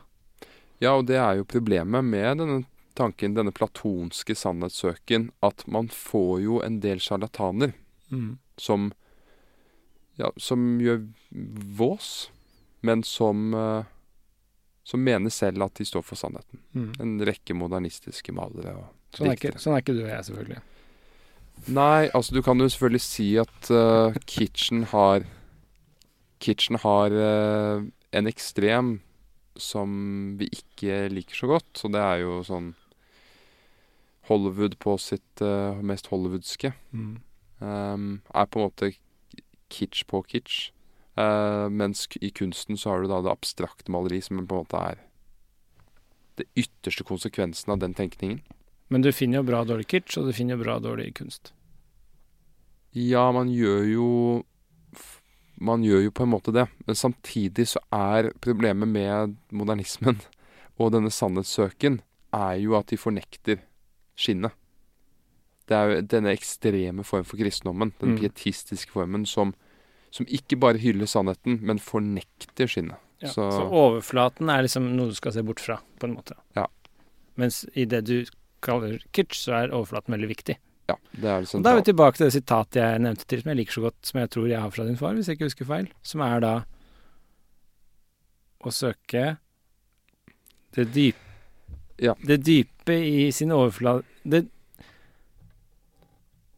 Nå husker jeg det ikke. Overfladisk dyp, Ja, eller dypt overfladisk. nei, altså Det eh, dype i det overfladiske. Ja, du søker det dype i det overfladiske heller enn det overfladiske i det dype. Ja. Ikke sant? Det var det sånn det var. Altså fordi uh, du kan late som det er veldig dyp, og så er det egentlig ganske overfladisk det du driver med. Mens du kan også bare male et ansikt, og så er det veldig dypt. Du, treng, du trenger en inngang. Ja. Du trenger en si det, du trenger en kropp å plassere sjelen i. Mm. Uh, det blir litt sånn som Brøgger skriver i sin uh, fantastiske klassiker 'Skikk og bruk' fra 1960. At han skriver at mange som snakker stygt om smalltalk, Mm. Eh, eller sånne høflighetsfraser, hvordan begynne en samtale og sånn, men man trenger en inngang Mm. før man kan begynne å snakke om eh, store temaer Ja. og begynne å åpne, åpne seg for hverandre. Så må man av med rustningen. Det må skje, skånsomt. Og da må man ha litt høflighetsfraser og Mm. for å få samtalen i gang. Ja, Og det tror jeg er veldig viktig. Jeg tror det er ofte de beste, dypeste samtalene er jo de som på en måte ikke er veldig obskure. Og når er samtalen ikke veldig obskure? Det er når du snakker ordentlig om noe som er forståelig. Ja. Og da når du en dybde, psykologisk sett, som du ikke gjør når ting blir veldig obskurt, fordi du skal prøve å være dyp. Mm. Ikke sant? Det er noe med det, og det er samme poenget, tror jeg. Når det kommer til sånn, du kan se et ansikt i et maleri, og så kan det være, være et ansikt i et maleri, ikke noe fiksfakseri rundt det. Og det kan være inngangen til noe som er mye dypere enn om du ser masse abstrakte streker som skal bety masse rart, som skal si noe dypt om mennesket. Ja, det, det, ene, det, ene har potensial til å rive deg med inn, Mm. mens det andre er jo starter jo veldig komplisert og, og sånn. Så, så det, blir da, det blir jo da mer en intellektuell øvelse Mm. enn en meddrivelse Mm. med denne modernismen. Jeg, satt jeg har sittet og, og sett mye på Rembrandt sin eh, Det er en sånn ny bok som kom eh, for ikke så lenge siden, som er alle hans selvportretter i kronologisk rekkefølge. Ok. Veldig interessant, fordi tidlig selvportrettene til Rembrandt så er det jo mye stæsj. Det er ringer og smykker og kjoler og kjortler og det er mye annet. Senere Rembrandt så sitter han liksom nesten bare i en sliten pysj, og så ser du bare ansiktet hans. Mm. Øya liksom rett inn. Eh, og det er jo litt av det samme. Altså det siste er jo åpenbart det sterkeste og dypeste, sånn jeg forstår det. Ja. Eh, jeg hørte også med en kunstner som mente at dette var forskjellen på katolske og den protestantiske retningen i portrettkunsten. Altså den katolske var veldig mye symboler og mye stæsj og smykker og, og vinglass og sånn på bordet ved siden av han som ble portrettert, mens protestantiske var bare det åpne ansiktet i en pysj. Ja, og det, det, det, Mindre stæsj. dette blir jo veldig vanskelig, da. For er, jeg må jo si meg litt enig. Ja. Men samtidig så er protestantismen helt grusom. Fordi i den ytterste konsekvens så er jo protestantismen billedstorming. Sånn som i Norge og Nederland og Sverige, og særlig Nord-Europa, da, hvor protestantismen bredte seg ut, så ødela man jo bilder. Man tømte kirkene for veggmalerier. Kalket kirkene, gjorde, gjorde de helt hvite på innsiden. For da, for da er jo da poenget da at du har en tidlig Rembrandt, masse stæsj, masse en gyllen drakt, gyllen kjede, masse ting. Mm. Og så beveger han seg mot dette nakne portrettet, og så er spørsmålet hva kommer efter det? Jo, det er at ansiktet forsvinner, og man går inn i intet. Mm. Og det er det de ønsket med de protestantiske kirkene. Du, du skulle være intet, og dermed være med Gud. Jo, men da drar du, ikke sant, du må ikke, Som Aristoteles sa, alt med måte. Ja, og det er det, det det er det jeg også har Ja. landet på, da. At, uh, at det finnes en gyllen middelvei mellom det protestantiske og det katolske Ja, ja, absolutt. Men jeg tror også at de fleste mennesker bommer på hvor det midtpunktet er. Ja. Jeg tror de fleste i Norden tror at det er mye nærmere protestantismen enn det det egentlig er, og omvendt i Italien f.eks. Mm. Så jeg, jeg har faktisk lett litt efter hvor er det punktet i Europa hvor det er den perfekte blandingen er. Mm. Hvor er det? Jeg trodde en stund det var i Wien, men jeg har gått litt tilbake på det. Jeg ja, sånn geografisk sett, du tenker? Ja.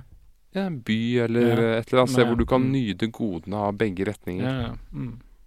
Nei, jeg tenkte mer sånn hvor i de ytterpunktene fra liksom Alt handler om dekor til alt handler om bare det nakne. Eh, hvor i den skalaen tenkte jeg, trodde jeg du mente. Jo, men det er jo Vatikanet er kanskje høyden da på li- denne, denne dekoren, eller Rom, da. Mm. Det er kanskje hjertet av katolisismen.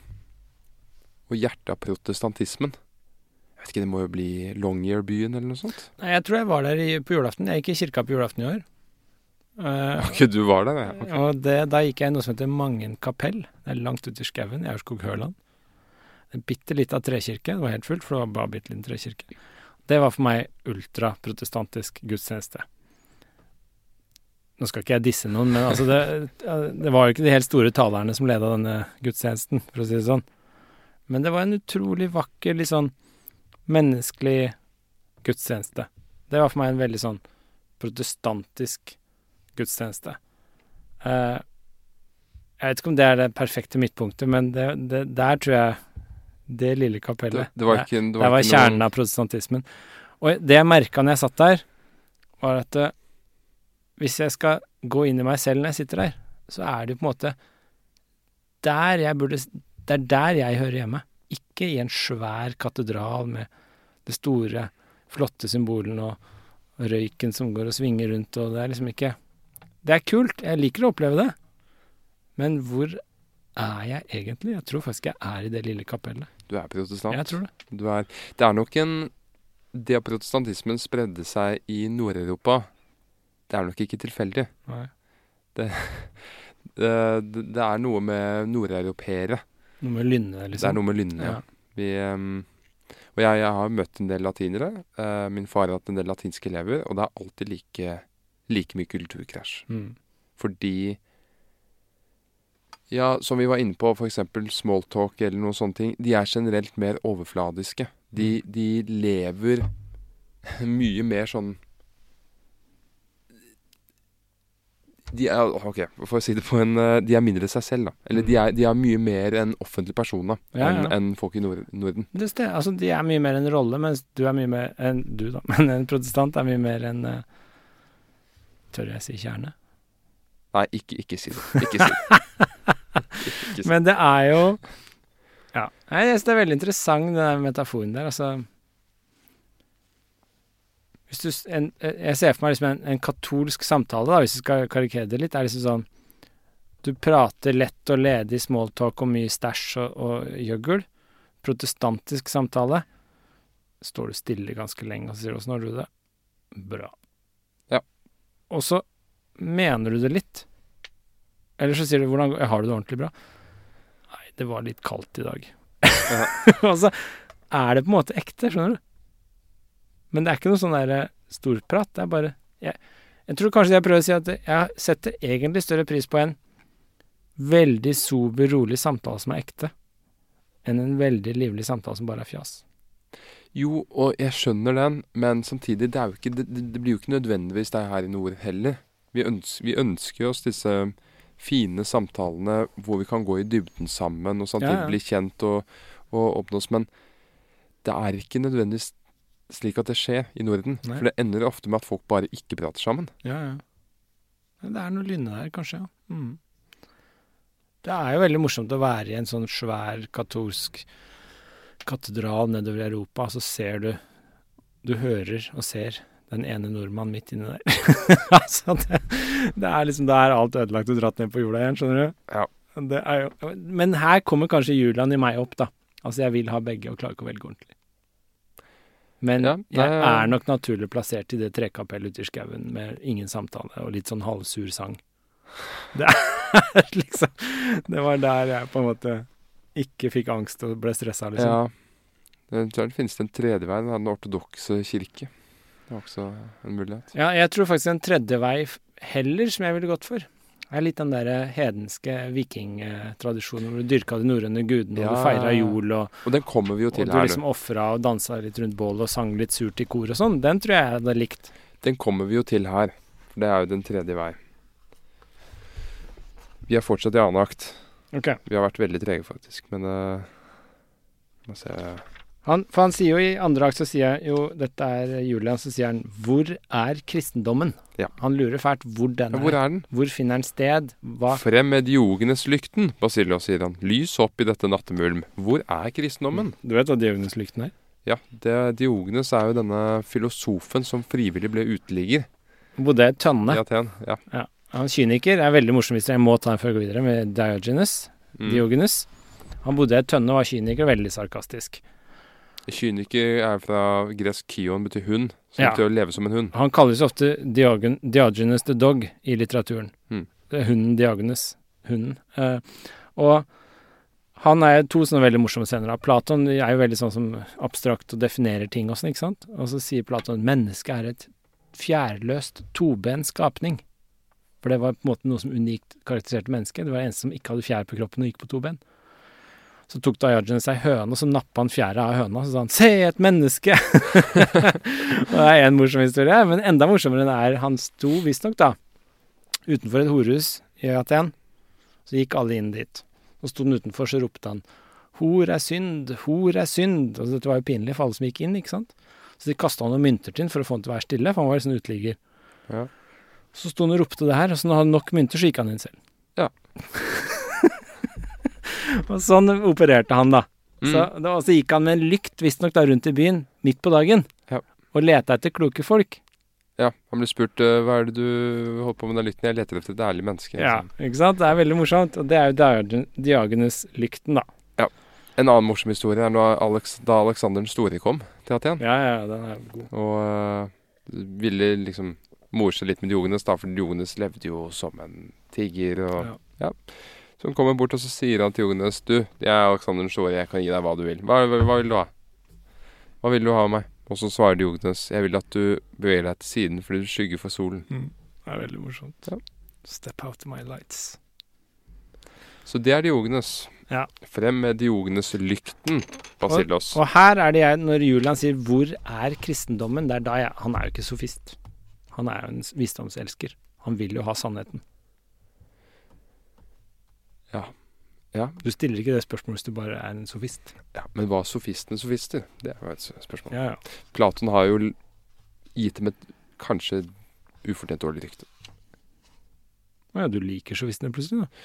Nei, ja, altså, jeg er ikke Altså, det er bare at jeg mener at veldig mye av fortellingene kommer fra Platon. Og Mm. Platon var jo på en måte det motsatte ekstreme. Det var bare idéverden og død og sånt. Og hva blir motsetning av det? Jo, det blir veltalenhet. Det blir ting som det ikke bærer sannhet i, men som Mm. blir sagt på en god måte. Og det Sofistene var opptatt av det. De var opptatt av veltalenhet. Blir beskrevet litt i dette stykket, for så vidt. Mm. Veltalenhetens sentrum, Aten. Og det kommer jo også tilbake protestantismen og Ja, nå, skjønner jeg, ja, nå skjønner jeg litt hva du mener. Altså, fordi du kan ha sans for sofisten i den forstand at de er opptatt av veltalenhet fremfor akkurat hva de sier. Og det kan være noe liksom, Det er den greske estetiske holdningen i liksom at du ser det vakre i talen. Jo, men jeg mener, det er jo igjen litt sånn som smalltalk. Det er inngangen. Ja, ja. Og når du går på universitetet i Oslo, Mm. eksempel, du lærer en måte å skrive på. En måte å argumentere på Mm. før du får innhold. Ja, ja, nei, jeg skjønner. Det er sånn som i filosofi, vi lærer bort logikk. Og det er veldig viktig for at du skal klare å tenke klart. Så du må få en inngang før du får ordentlig innhold. Ja. Ja, nei, jeg skjønner den. Altså, jeg kan Det er et godt poeng, det. Eh, så du, ja, så akkurat som et vakkert maleri av et åpent ansikt kan være inngangen til noe dypt, så kan en vakker tale være inngangen til noe dypt. Jeg tror det. Mm. Enig. Kan jeg få lov til å lese en liten ting fra Julian? Ja. For her sier han et andre akt. Hvor er kristendommen, sier han. Basilius fra Cesare, Cesarea. Søk svaret der hvor det var å finne i alle skrøpelige tider. Steng ikke din kunnskaps brønn, sier Julian. Lesk meg hvis du kan, hvor skal jeg søke å finne? Han er frustrert, han vil finne kristendommen, ikke sant? Basilius. I de hellige menns skrifter. Og da svarer Julian. Dette liker jeg. Det samme fortvilelsens svar. Bøker. Alltid bøker. Kom jeg til Libanios, så lød det bøker, bøker. Kom jeg til Eder, bøker, bøker, bøker. Stene for brød, jeg kan ikke bruke bøker, det er liv jeg hungrer etter, samliv, ansikt til ansikt med ånden. Ble Saulus seende av en bok, var det ikke en lysflod, der slo ham i møte, et syn, en røst. Å, dette er jo vondt, som professor i filosofi. bøker, bøker, bøker og atter bøker. Ja. Han vil leve, Julian vil se lyset, han. Det er det han leter etter. Han finner ikke kristendommen i bøker. Han vil se hva er livet å lære her. Altså, hva er det du skal leve ut? Hvor finner du de som lever kristendommen, ikke bare preiker? Mm. Hvor er kristendommen? Hvor i helvete er kristendommen? Det er det han lurer på. Et annet sted han sier etterpå Før han, han La oss se. Han griper seg med begge hender om hodet, fatter rosenkransen som han river av. Det er også litt rart. Er det, har han gått rundt som en Kristus med sånne torner på hodet eller noe sånt? Rosenkrans? Ja, fikk han ikke plassert det på et eller annet tidspunkt? Men Er det en Kristus-referanse, eller er det noe annet? Mm. Det er rart. Men uh, han sier iallfall 'denne'. Cæsar Det hadde jeg glemt. Og så kaster han kransen bort. Et eneste har jeg lært i Aten, sier han. Hvilket, Julian? Fyrst Julian, den gamle skjønnhet er ikke lenger skjønn, og den nye sannhet ikke lenger sann. Mm. Den er også veldig fin. Ja. Er det ikke litt der vi er i dag, da? Jo, Det er jo det vi har snakka om i, i dag, egentlig, også. Mm. Gamle skjønnheten er ikke lenger skjønn. Det er ikke det som er ansett som det skjønne og den sanne. Den nye sannheten, den alle sier er sant i dag, det er ikke det som egentlig er sant. Men husk på også senere, husker du hva erkjennelsen er fra mystikeren? Maximus? Hva erkjennelsen Julian får? Vi kommer til det. Ja, det er dette med å ville seg selv. Nei. Nei? Det som er, det er ikke. Og det som Å ja, det ikke er, det er. Ja, det kan vi komme til etterpå, men det henger jo litt sammen med det her. Altså Den gamle skjønnheten, den greske skulptur, de greske skulpturene er ikke lenger det som anses som skjønt på kunstutstillinger i dag. Mm. Og den nye sannheten i dag, det alle snakker om som er det Det er det sånn Det er jo egentlig ikke sant. Det er, Ja, det som er er liksom det nye, moderne, sympatiske mennesket som er demokratisk ja. imot det er mer moralisme enn sannhet. Ja. Uh, og den er ikke lenger sann. Uh, så det er jo mye av det her, men det her er jo hint til det som kommer. For det jeg leste i stad også, når han sa Var det ikke en lysflor som slo ham i møte, et syn, en røst? Når han lurer på hvor kristendommen er. Dette akt to slutter jo med Nei, stykket slutter, hele stykket slutter jo med at han blir blendet av lyset. Når han tar avgjørelsen om å bli keiser i femte akt. Ja. Og det er jo det han sier. Saulus ble han ikke seende av en bok? Nei, han ble seende av et lys som blenda han. Ja. Og han blir, av, han blir jo blenda når han går ut av det, det gravkammeret. Mm. Og så den derre at den eh, um, Når han lurer på hvor kristendommen er, så er det jo øh, Nå glemte jeg hva jeg skulle si. Ok. Ja, men dette er hint om det som kommer, da. Det var det jeg skulle si. Ja, og så sier eh, Libanius noe mot slutten av andre akt, som Mm. jeg syns er fint. Fordi først sier fyrst Julian forargelig. Kaller du denne vei ut en forargelig vei? Løper ikke all visdoms mål ut i dette, samkvem mellom ånd og ånd? Og da sier Basilos, å dyrebare forvillede venn. Og det sier han jo fordi han har hintet mer og mer til at han er forført av Mm. hedensk visdom. Så sier visdomslærer Libanios, mer enn forargelig ser jeg. Hva er hekate? Hva er gudene overhodet for de oppklaredes erkjennelse? Heldigvis lever vi dog ikke i den gamle, blinde sangers tid. Det er en referanse til Homer. Maximus burde dog vite bedre enn som så. Har ikke Platon og efter ham vi andre kastet fortolkningens lys over det hele? Er det ikke forargelig nu i disse våre egne dager igjen å ville hylle inn i gåter og tåkefulle drømme denne beundringsverdige, håndgripelige og, jeg tør vel si, møysommelige oppførte bygning av begrep og av uttydning som vi som visdomselskere elsker, som solen, som Og så blir han avbrutt. Det han sier der, som Platon og vi efter ham har kastet fortolkningens lys over det hele. Den er jo interessant, for her har jo Ibsen fått med seg hvor viktig Platons filosof er for tolkningen av kristendommen og utviklingen av den. Nemlig dette eh, Dette med å fokusere på sannheten og føre alt tilbake til ett prinsipp. Én ting som står bak alt. Ja. Og som motstander av det mystiske. Ja. Du skal forene alt ned til ett prinsipp. Men det var ikke bare Platon, det var jo gamle grekerne. Før sokratikerne. Alt leta jo. Nei, men de gjorde jo ikke det. Altså Heraklit og mange av disse snakker om det første prinsipp. Altså de leta etter det første prinsipp. Ja, jeg, jeg er helt enig. De som man snakker om i dag, av førsokratiske filosofer, var opptatt av det. Fordi vi er blitt helt opphengt i denne tanke. Å lete efter det ene prinsippet, som liksom starter for alvor med Platon og Sokrates. Men det var mange andre førsokratiske filosofer som ikke var opptatt av det. Blant annet Hva heter han mest kjente? Han ble millionær. Han gikk rundt omkring. Han, bo, han, bo, Ja, altså, han fikk aldri et fast bo, bosted, Ja. så at han slapp å betale skatt. men poenget med de førsokratikerne var at noen, de var jo, det de begynte å stille spørsmål ved, var liksom hva er det som ligger til grunn for alt. Og da var det noen som sa det er ett prinsipp, det er logos. Og så var det noen som sa det er mange prinsipper, det er tre prinsipper, og så er det tre forskjellige ting. Og så er det, altså, det var veldig mye uenighet. Ja. Alle mente veldig mye rart der. Eh, men jeg tror det som er sånn Det som du har helt rett som er veldig interessant her, er jo at han setter opp Platon som denne fortolkeren.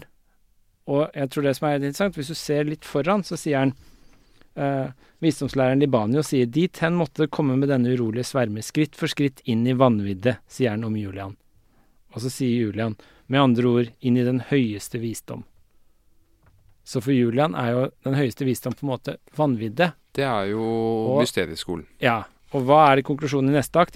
Jo, det som er, det er ikke, og det som ikke er, det er. Ja. Det er jo paradokser. Så nå er på en måte Han går i motsatt retning så du, enn det du påpekte Platon gjør, da, som skal liksom prøve å forklare ting. Platon skal sette Han skal finne liksom Skal inn i systemet. Han skal inn i systemet, finne logos, han skal finne liksom prinsippet bak. Mm. Og det er jo det kristendommen også sier til en viss grad. ikke sant? I begynnelsen var ordet. Det Ja. er jo logos. I begynnelsen var prinsippet, teorien. Mm. Det er det det betyr, da. Så det Julian vil, er bare tilbake til liksom mysteriet, tilbake til mange av de førsokratikerne som på en måte mente En av de, husker jeg ikke navnet, men en av de mente at livet var bare mystisk. Det var liksom Jo, men det er det som er så interessant, fordi i tredje akt, når det slutter med at han får vite at Maximus har kommet til en eller annen by, det er vel i Efesos, og da har han funnet sitt nye kall. Han skal oppsøke Maximus fordi han er blitt mer og mer forført av det, disse mystiske greiene. Men, Ja. men som du sa, mysterieskolen Hemmeligheten med mysterieskolen i Aten, den var jo det at fordi For grekerne så var ikke mysterier sånne ting som ikke kunne blitt oppklart, oppklart, sånn som alltid var i skyene. Men det de sa, da, det var at mysteriet, det er noe du ikke kan lære bort, men det er noe du må erfare. Ja. Det er mysteriet. Det er egen retning i kristen tenkning også, faktisk. Altså at eh, åpenbaringen er et mystisk mysterium. Så du må bare kjenne det, det går ikke an å snakke om det. Ja. Og så har du den andre retningen, er den at du skal forklare det. Den mer platonske Ja. kristendommen. Så det er noen som mener at du bare, det er åpenbaring. Det er det det går på. Du har fått Mm. en åpenbaring, da må du bare følge den. Det er ikke noe å forklare eller snakke om. Mm. Men uh, det, er, det er veldig mye som foregår på slutten her, egentlig, fordi han sier jo Julian sier Farvel, Basilius, jeg øyner et lys på min vei. Igjen dette lyset som blender deg, som han øyner. Og så spør han hvor skal du? Dit hen hvor fakler tennes og hvor støtter smiler. Mm. Det er der hvor det skjer noe, ikke bare hvor det bare er prat. Så nå skal han virke. Og da, Og da, da, blir Einar glad. og da sier Libanios denne fyrstelige yngling er farlig for vitenskapen. Det er interessant. Ja. Han blir eh, mystiker og skal virke og s- øyne lys og håp. Da er det, det er farlig for vitenskapen, som er denne tørre teorien du skal plassere. Oh, ja. Og det er jo i nyere filosofis historie så snakker man jo veldig mye om Immanuel Kant. Jeg liker hvordan du belærer meg om filosofihistorie. Ja, kjør på. Det interessante der er jo at For å komme tilbake til Augustin, da. ja. Den store åpenbaringen jeg fikk da jeg leste hans bekjennelser, Mm. var jo nettopp at jeg ble enda mer sikker på at kristendommen er en form for radikal ateistisk filosofi. Paradoksalt nok. Mm. Fordi hvis du dirigerer all din overtro mot ett prinsipp, én gud, Mm. så mister du alle de andre. Mm. Så du blir mindre overtroisk. Du på en måte Det er nesten som en bråtebrann. At du sikrer Ja, ja. Du blir kvitt overtroen ved å gjøre det til én. Så monoteisme, som det heter, når guden er én, det er for deg veien til ateisme? Ja, det er også Slavio Sisek sin tolkning. Ja. At virkelig ateisme er kun mulig igjennom monoteisme. Eller igjennom kristendommen, f.eks. Mm. Og det som skjer med Kant, er jo at Kant fortsetter jo den regelen. Kant skal dette mystiske Vi vet jo alle hva det mystiske er hvis vi kjenner efter. Alt dette i livet som ikke henger sammen. Alt det ulogiske. Alt vi erfarer. Det er liksom sånn at eh, læren om livet er veien, ikke sant. Det er mye du ikke kan plassere inn i prinsipper. Og Kant hopper jo der inn i den platons- platonske skole og skal for forklare alt. Og få det inn i et system. Det er tysk filosofi. Og ødelegge det mystiske. Mm. Og Det er derfor det er sånn Og det var Ødes eh, X-Fill-undervisning for i dag. Det var filosofi. Nei, men Du har vel lagt merke til det, hvordan folk snakker om Kant? Hvor uenige folk er om Kant? Fordi noen mener at Kant er veldig mystisk Mm. og veldig sånn metafysisk og rotete og sånn, mens andre mener at han er en aristoteliker, nærmest.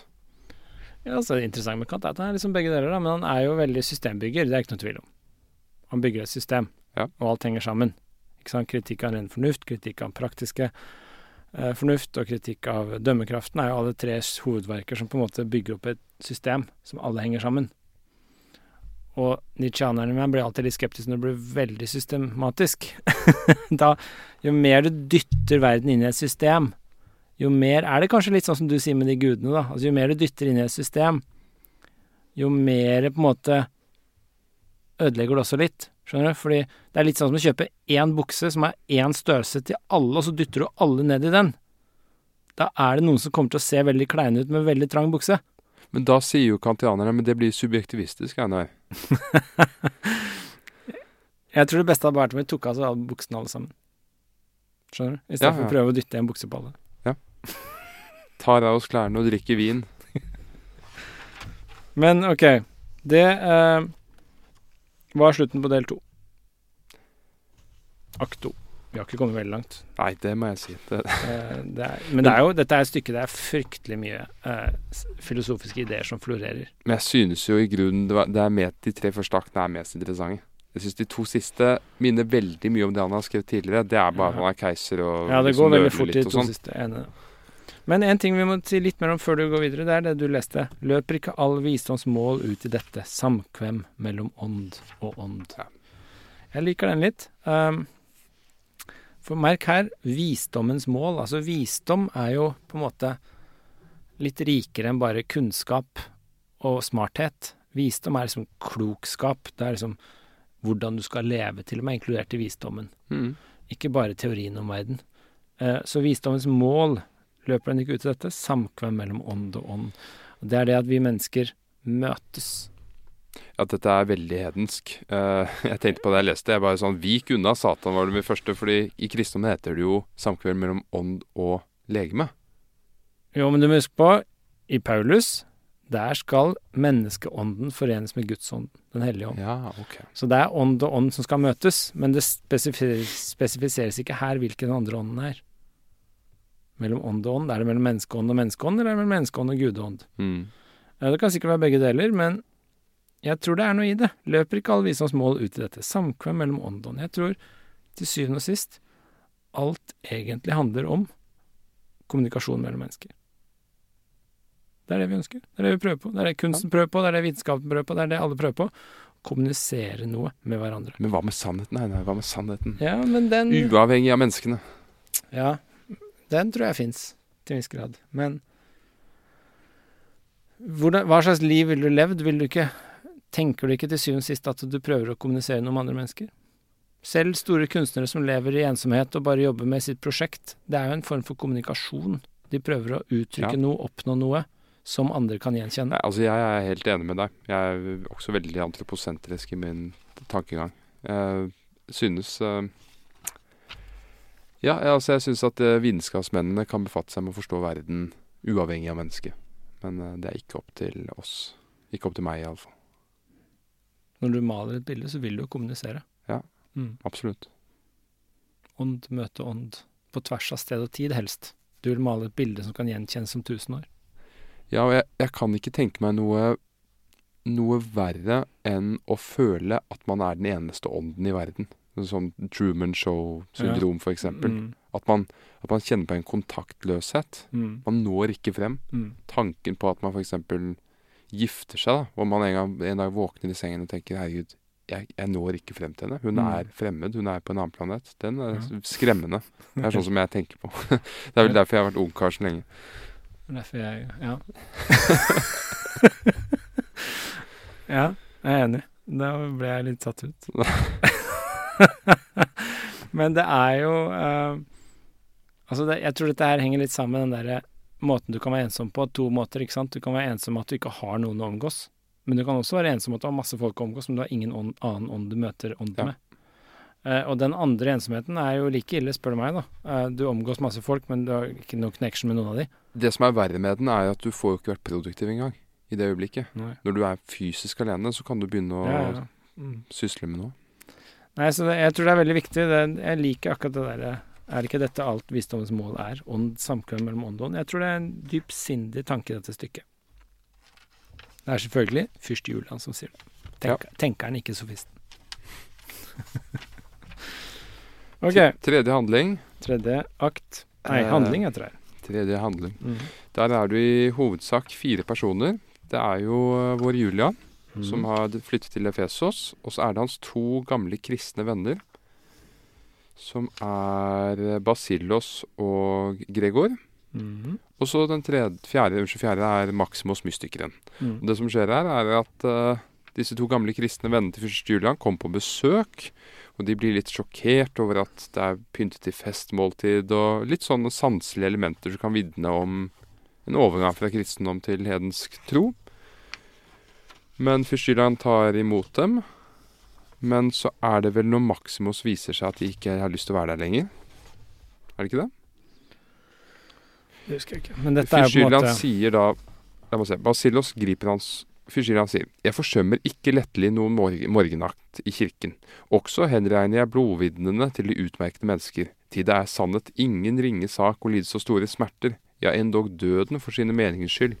I det hele tror jeg visstnok at Aesios var vel tilfreds med meg da han reiste. Basilios griper hans hånd. Julian, for vårt inderlige vennskaps skyld, tal åpent om din stilling. La meg se. Jeg må nyse. Ops. OK. Du har sånn stille nys, du. Ja. Du har ikke sånn brøl. Jeg har sånn der bare sånn Nei, jeg har, jeg har sånn forberedende nys. Men ja. Undertrykker du nysen din? Nei, nei, nei. Jeg, det, bare, det må lades opp. Jeg kjenner når den kommer. Tal åpent om din stilling. Fyrst Julian, jeg er jordens lykkeligste sønn. I kjære venner. Og Maximos. Ja, han bærer sitt navn med rette. Maximos er den største som noensinne er levet. Og Gregor eh, bereder seg til å gå. Fordi de blir litt eh, urolige av Maximos tilstedeværelse, for han er jo en mystiker som folk har snakket negativt om. Så sier han, vi ville kun se deg, herre. Og så sier fyrst Julian, kan dette gjøre bror så fremmed imot bror? I viker i angst for det gåtefulle. Å ja, det undrer meg ikke, således vek også før jeg ble seende, og før jeg anet det som er livets kjerne. Ja, hva er moralen her? Hva? Nei, det er jo dette gåtefulle, da. Mm. som er temaet. Og livets kjerne, det er vel det du beskrev i sted. At det som er, det er ikke, og det som ikke er, er. Ja. Er, er ikke det et slags uttrykk for at man aldri kan være sikker? Ja, jeg tror det er litt det der Jeg tenkte litt på det paradoksale uttrykket, hva det er, det mystiske greiene. Så han Ikke sant? På et sted så sier han Gregor Maximus er en svermer, eller han bedrar deg. Han mener mystikeren er bare juks og fanteri. Og så sier Julian Hvor tør du dømme om de hemmelige ting? Ikke sant? Altså, det, det, er litt det du var inne på, dette med litt sånn Det må erfares. Ja. Og når han sier han, Hvordan han sier eh, Når Julian forteller hvordan denne åpenbaringen kom til han, hvordan denne erkjennelsen kom til han, så var det jo et syn. Det var et syner. Det var et syn om natta. Det var ikke en rasjonelt logisk argument han utleda det. Eh, og, og når han sier at det som er, det er ikke, og det som ikke er, det er, det er kjennelsen hans, så sier han egentlig det som vi, sånn jeg leser i hvert fall, da, det som er litt sånn på overflaten, det er egentlig ikke, vet du. Det er noe annet under. Og det som ikke er, det er det som egentlig er. Så vi lever alle på en livsløgn. Ja. Eh, og det er sånn slør av uvitenhet overalt.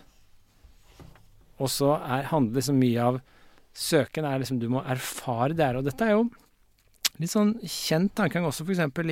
Eh, i, i Sartre, for eksempel. Da, eksistensialisme, så er det en scene i Kvalmen, en romanen til Sartre, hvor han tar i et dørhåndtak, og sier et lite glimt så erkjenner han Han blir kvalm når han tar i dørhåndtaket, for han erkjenner at det er ikke et dørhåndtak, det han tar i. Det er en slags underliggende ren eksistens. Det er noe helt annet enn det han trodde. Og så glipper det, og så er det bare dørhåndtak igjen. Og det er en sånn derre erkjennelse av at det som er dørhåndtaket, det er egentlig ikke det det er. Det som ikke er, det er det det er. Ikke sant? Det er sånn jeg tolker det, i hvert fall. Mm. Uh, Ja, det er jo ja, det er ganske uplatonsk. Eh, fordi et dørhåndtak vil være et dørhåndtak i Platons verden. Mens her blir det jo litt sånn hvordan vi bedømmer tingene, hva de egentlig er. Det Mm. blir litt mer som Aristoteles, at det blir, det blir litt på skjønn, da. Ja. Det blir en slags enighet, en sosial kontrakt. Men du som er så fan av Kant Han også skiller det her, ikke sant, mellom dørhåndtaket som det fremstår, og dørhåndtaket som det egentlig er. Das Ding an sich. Det er Mm. noe annet, og det kan vi ikke si noe om. Vi kan ikke si noe lurt om det tingen i seg selv, fordi det vi sier noe om det, så har vi pakka det inn i begreper. Slik at eh, å snakke om tingen i seg selv er en umulighet. Du kan nesten bare peke på det. Ja. Og det er litt sånn det mystiske elementet i Kant, ikke sant. Das Ding an sich, tingen i seg selv, kan vi ikke si noe om. Vi må nesten bare forbigå den i stillhet, og så må vi snakke om dørhåndtaket som er gjennom våre begreper.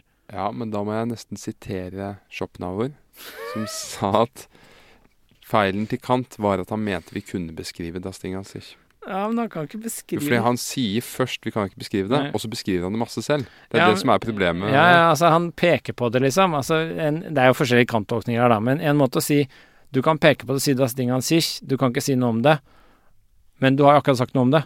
Ikke sant? Det er liksom paradoksalt i det. Mm. Men en annen tolkning er bare å si, når du kommer frem til at det er noe der ute i seg selv, uavhengig av våre begreper, så kan du virkelig ikke si noe om det. Det er det samme som å si det er ingenting. Det er en annen tolkning. Ja, altså det er det Og da sier du ikke noe om det, du sier bare at det, Det han sier, det er at jeg baserer mine sanse Basert på mine sanseopplevelser, så tror jeg det finnes noe annet bak. Som ikke har noe med mine sanseopplevelser å gjøre. Det er også absurd. At han tar utgangspunktet i den fenomenale verden Mhm. for å si at det finnes en nominell en. Ja, kommer, det er en slags transcendental argumentasjon. Du, kommer frem, du graver deg bakover og kommer frem til noen grunnleggende antakelser som må være der, som du ikke kan snakke om. Mm. Basert på den sanselige verden. Så det, det er ganske rotete. Men du er helt på linje Jeg er også egentlig det, da. Helt på linje her med Schopenhauer og Nietzsche. De gjør jo narr av det her. Altså de, Ja. Dette er jo hele Nietzsches poeng også. Altså hele den kantianske verdensbildet hvor Som han også leser litt sånn som kristendommen, da. At det fins noe hinsides det vi opplever og ser. Og det er det vi først og fremst skal satse på. Det er jo for Nietzsche livsfornektende. Fordi du fornekter det du faktisk sanser og ser, og så satser du på noe hinsides. Det er jo galskap. Det er jo nihilisme for Nietzsche. det. Det er livsfornektende.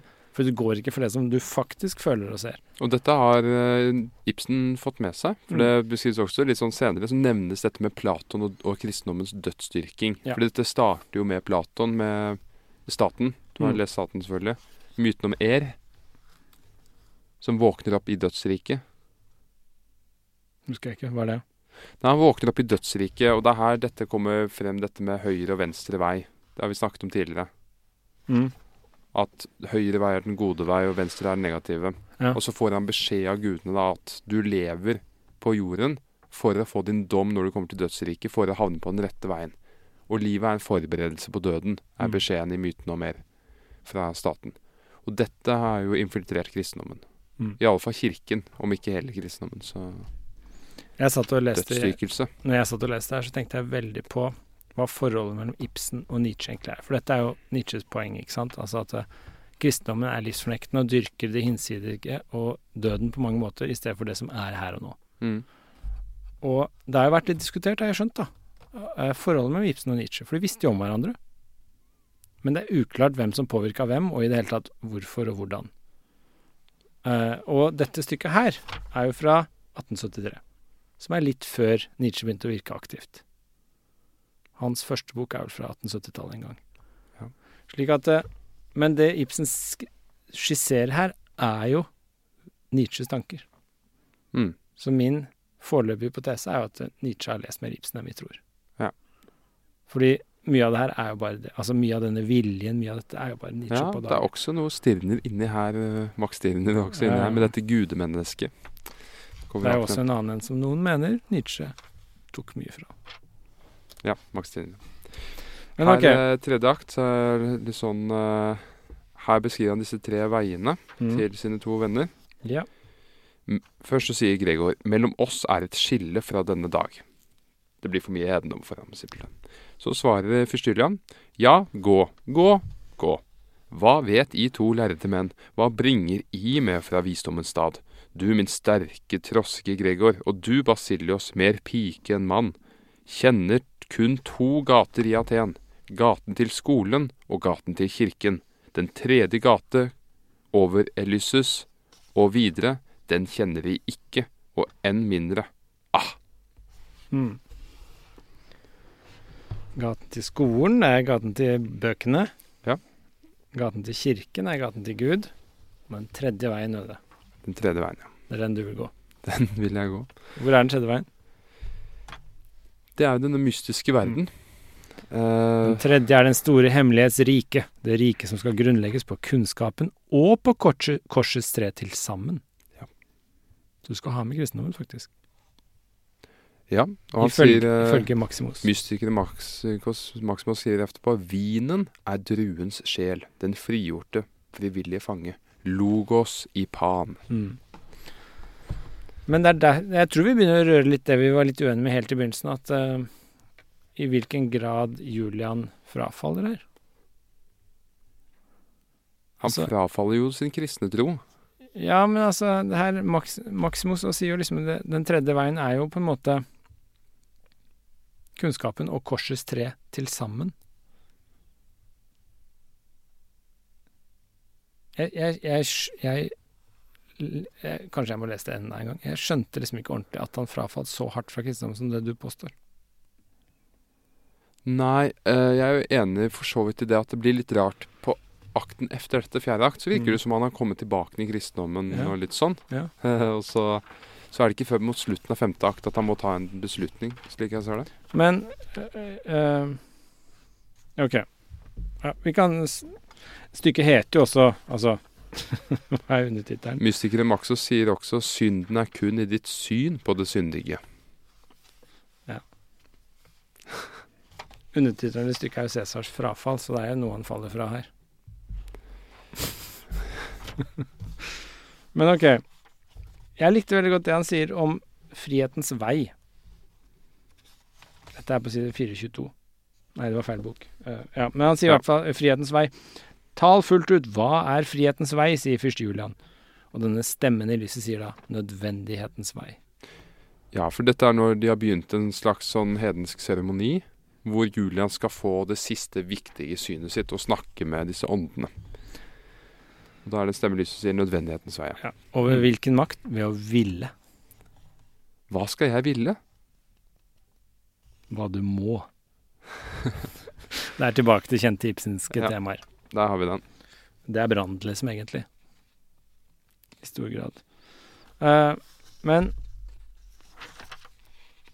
la du også merke til at dette er jo Kanskje fordi jeg akkurat har lest den boka, men uh, det er jo tre stemmer her. Som ja, går Som man igjen. får kontakt med. Ja. Det er litt sånn derre Dickens eh, julekvad her. De tre åndene. Ja. Ja. Altså, er, hva er det Første er vel Kain. Ja, det, og så er det jo Kain, det er Judas, ikke sant? Det er jo disse slemme bad guys i Bibelen. Det er de store svikerne. Ja. Det er Kain, og så er det Judas Iskariot. Og den tredje er Hva var den tredje? ham selv. Ja, det var det, ja. ja. Så han får faktisk beskjed her om at han skal bli den nye Judas. Mm. Og så sier fyrstjulen 'vis meg' Ja. ja. Nei, jeg, jeg Det kan jeg må trekke meg litt på at det frafallet er mye klarere enn jeg trodde. Ja, Han skal bli den nye svikeren, ikke sant. Ja, han skal det. Eller han er, han er jo litt usikker, da. Han sier jo Grunnfeste riket, det tredje riket. Det er litt sånn Hitler-referanse der, forut for Hitler også. Litt før Hitler. Ja. ja. Uh, la meg se Der, ja. Hva het han i livet? Judas Iskariot. Og så er det den tredje frem. Han skal komme. Her frem, du tredje hjørnesten. Her frem, du tredje store frigivende under nødvendigheten, sier Maximus. Mm. Jeg ser intet, sier Julian. Så sier mystikeren Maxas, og dog er han her. Og så bla, bla, bla. Kommer tilbake.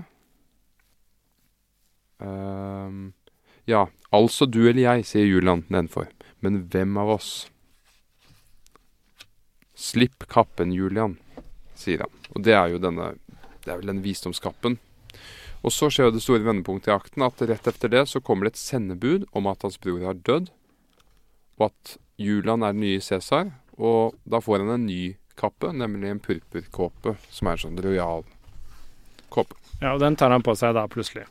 Men legg merke til først, altså før det, så akkurat så hører han jo denne røsten i lyset. Rike, rike, grunnfeste rike. Han får i denne beskjeden. At han skal grunnfeste et rike. Det er den tredje veien. Mm. Og så sier han 'Jeg trosser nødvendigheten, jeg vil ikke tjene den, jeg er fri, fri, fri'. Her sier Julian 'Jeg nekter, og derfor er jeg fri', sier han her. Og så kommer det du sier, omvendelsen, ikke sant? Og så er broren død, og så plutselig skal han bli der likevel. Og da blir han fri ved å følge nødvendigheten.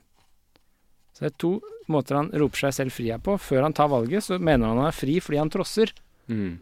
Men jeg tror litt sånn dypsindig filosofisk poeng her er jo at du er ikke alltid fri bare ved å gjøre det motsatte. Av og til er du fri ved å gi deg hen og kaste deg inn og akseptere. Det er da du kan Du føle deg fri. Du slipper jo veldig mye da når du bare aksepterer. Du slipper jo veldig mye bråk og mas. For han sier jo litt senere, ikke sant Basilio sier eh, Først Julian, når han har fått dette kallet skjønt at broren er død, så sier han Ved meg skal riket grunnfestes. Der er han plutselig tilbake igjen der han skal. Først så sier han jeg skal ikke gjøre det, og så sier han nå skal han gjøre det. Kristi rike, sier Basilius. Keiserens store, skjønne rike. så det er ikke Kristi rike. Eller er det det? Nei, det er ikke det. Det var kanskje der jeg tenkte at keiseren kanskje mer kunne være litt mer Kristi. Nei, det er, okay. det er det skjønne som står i motsetning til kristendommen Ja, Ok, jeg tror du har rett. Ser du ikke fristerens verk, all jordens herlighet legges for dine føtter. Ja, fordi disse vennene, særlig han Basilios, ønsker at han skal takke nei. Se på det som en fristelse. Som Max, mystikeren Maximus vil vel også det? Tegn mot tegn, Cæsar. Jeg, jeg Ja, følte ikke at sånn Maximus var så overbevist. Nei, Maximus er jo Han er jo en vis mystiker. Mm. Og han er ikke nødvendigvis enig i det valget han tar. Mm. For mystikeren skiller senere 'du har valgt', sier han til Julian. Så sier Julian 'valgt, Maximus'. Valgt tross tegn imot tegn, sier Maximus. Mm. Så han, eh, ja Han dyrker paradokset, han. Ja. Her står det ikke tegn, her står ikke tegn imot tegn, Maximus. Maximus, du har vært blind, du seende purpurkåpen om meg, sier Julian. Så han bare Nå, nå Det minner jo litt om han i Kongsseminaren igjen. Ja. Skule. Som drømmer om purpurkåpen. Men er Julian da egentlig veldig vinglete? Ja, han er egentlig det. det er, Ja, Kanskje mer vinglete nå enn jeg tenkte når jeg kom hit i dag. Jeg tenkte han bare hadde litt kvaler, og så gikk han for en ting. Men nå begynner jeg å tenke at han kanskje egentlig faktisk ikke vet ordentlig hva han driver med. jeg tror nok det. Eh, det var argumentet til uh, Christiansen, som har skrevet denne boken 'Nora du lyver', men også den boken som heter 'Den, filosofiske ape'. Førstnevnte bok er om et dukkehjem. Den sistnevnte er om kongen, keiser og galileer. Ja. Og han argumenterer jo for det, at Juland egentlig er en skikkelig tullebukk. Ja. Og at veldig mange ikke har oppfattet det. Hm, det er kanskje det jeg begynner å erkjenne nå. Ja. Ok. Ja, altså, jeg synes jo at det suspekte ved han kommer tydeligst frem i fjerde akt og videre. Mm. I fjerde akt, når han Altså, måten han håndterer disse Denne innblandingen til keiseren på, Mm. er jeg meget skeptisk til. Fordi keiseren blander seg jo inn, og eh, Jeg kan jo først si at eh, fjerde akt åpner med at han kommer hjem fra en krigføring med barbarerne. Mm. Hvis noen av lytterne lurer på hvem en barbarer er, så er det oss. Det er vi som er i Nord-Europa. Vi er barbarer. Mm. Det var de Cæsar ikke skjønte. De bare De liksom Han skjønte ikke Han skjønte ikke etiketten deres.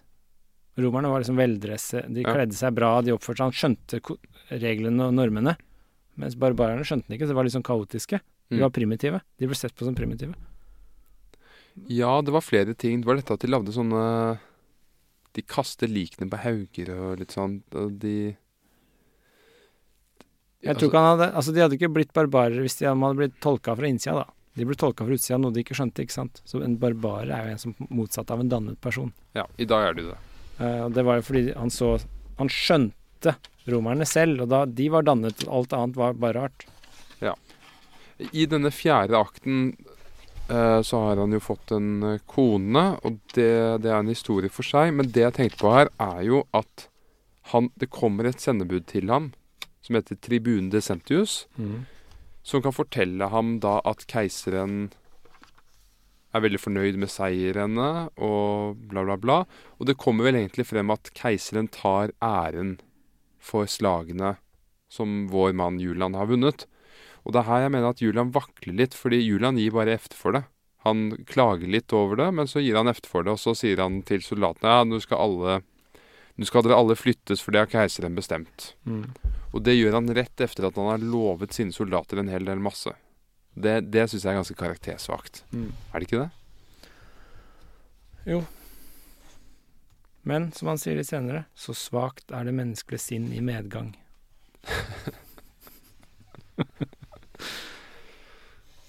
da sier han var jeg ikke engang en visdomsvenn? Man sa det i det minste både i Aten og i Efesos, så svakt er det menneskelige sinnet med. Når det går deg veldig bra, så så blir du svak. Dette har vi snakka om før. Dette snakker vi om hver gang vi treffes. Men OK, jeg kanskje jeg avbryter nå. Jeg, Ja, jeg jeg- datt litt ut. Hva var det du sa? Ja, jeg var nær blitt visdommen utro, sier han. Jo, jo, det er jo for så vidt dette her, da. Han sier jeg var nær blitt visdommen utro, keiseren har påminnet meg, takk ham ydmykst, Decentius. Så han bruker den anledningen, da, dette med at keiseren begynner å bosse ham rundt, Mm. til å da si å, jeg takker keiseren fordi han har minnet meg på at jeg har glemt å være en vis mann, og hvis jeg virkelig er en vis mann, så driver jeg ikke og hevder meg selv Mm. sånn som jeg ellers ville gjort mot ham. Men det er jo der jeg mener han er litt svak, da, fordi Og veldig sånn egosentrisk, fordi han glemmer forpliktelsen han har overfor sine folk og sine soldater og sånt. Hva de har forventet. De har nettopp stritt for ham, og så bare Mm. gir han det opp. Ja. Han er blitt høy på seg sjøl, ikke sant? Ja, det er jo kanskje det.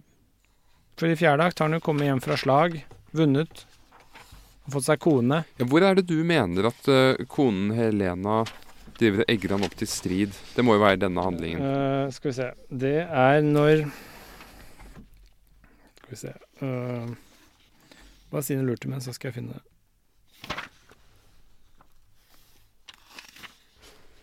For det, åp det åpner med at han kommer hjem, og fyrstinne Helena er der. Ser ganske syk ut, og antar at han har tapt, men får vite at han har vunnet. Og eh, Ja, det er vel eh, min helt, min helt Julian. Slagenes gud var med deg. Å, Julian. Ja, for hun, hun Helena blir jo galt i på slutten av fjerde handling. Så det er jo før det, skal vi Ja, se. men uh, visdommen, Einar Gal er ikke gal, Nei, det er sant. og ikke gal er gal. Ja, altså hun sier jo sannheten antakeligvis også når hun ligger der og fabler. Ja, det er det jeg mener. Ja. Men uh, skal vi se uh, For hun sier 'hva var det' Det er når hun sier uh, Når han begynner å tvile litt, så sier hun 'hva var det han kalte deg'? Husker du det? Altså, er det en henvisning til keiseren? Nei, han derre som uh, Keiserens sendebud? han sparte jo en fyr i stedet for å drepe ham. Å ja. ja! Han sparte denne Ja. Og så sier han 'keiser', 'keiser', sier, kaller han barbareren han. Og så sier Helena plutselig 'hva var det han kalte deg'? Å ja, ja, det var det, ja. Ja, Og så blir Julian blir litt uh, smigret. Ja, og sånn, sparer hans liv». Ikke si det høyt og sånn. Og så sier hun ja, men hva var det han kalte seg, ikke sant? Og da driver hun eggeren litt. Jo, her er det. øverst eh, Nå er jeg en annen bok, da, men Ja. dette er Ja, litt uti fjerde akt så sier eh, eh, Så sier eh, Så begynner Julian å tvile, vet du. Så sier eh, Så sier Julian eh, Vi kan ikke bli stående her, sier Helene. Helena, du kunne, følge, kunne du følge meg, sier Julian. Frykt ikke for meg, jeg skal ikke vike tilbake. Så sier Julian. Så, for, så bort fra all denne uttakksomme møye, bort til den enn så lenge ettertraktede ensomhet. Hva sier du? Ensomhet? Julian. Med deg, min elskede, og med mine kjære bøker. Nå begynner Julian å svikte litt. Han har lyst til å reise og være aleine, han, med hender og bøkene sine. Det er en veldig romantisk idé, ikke sant?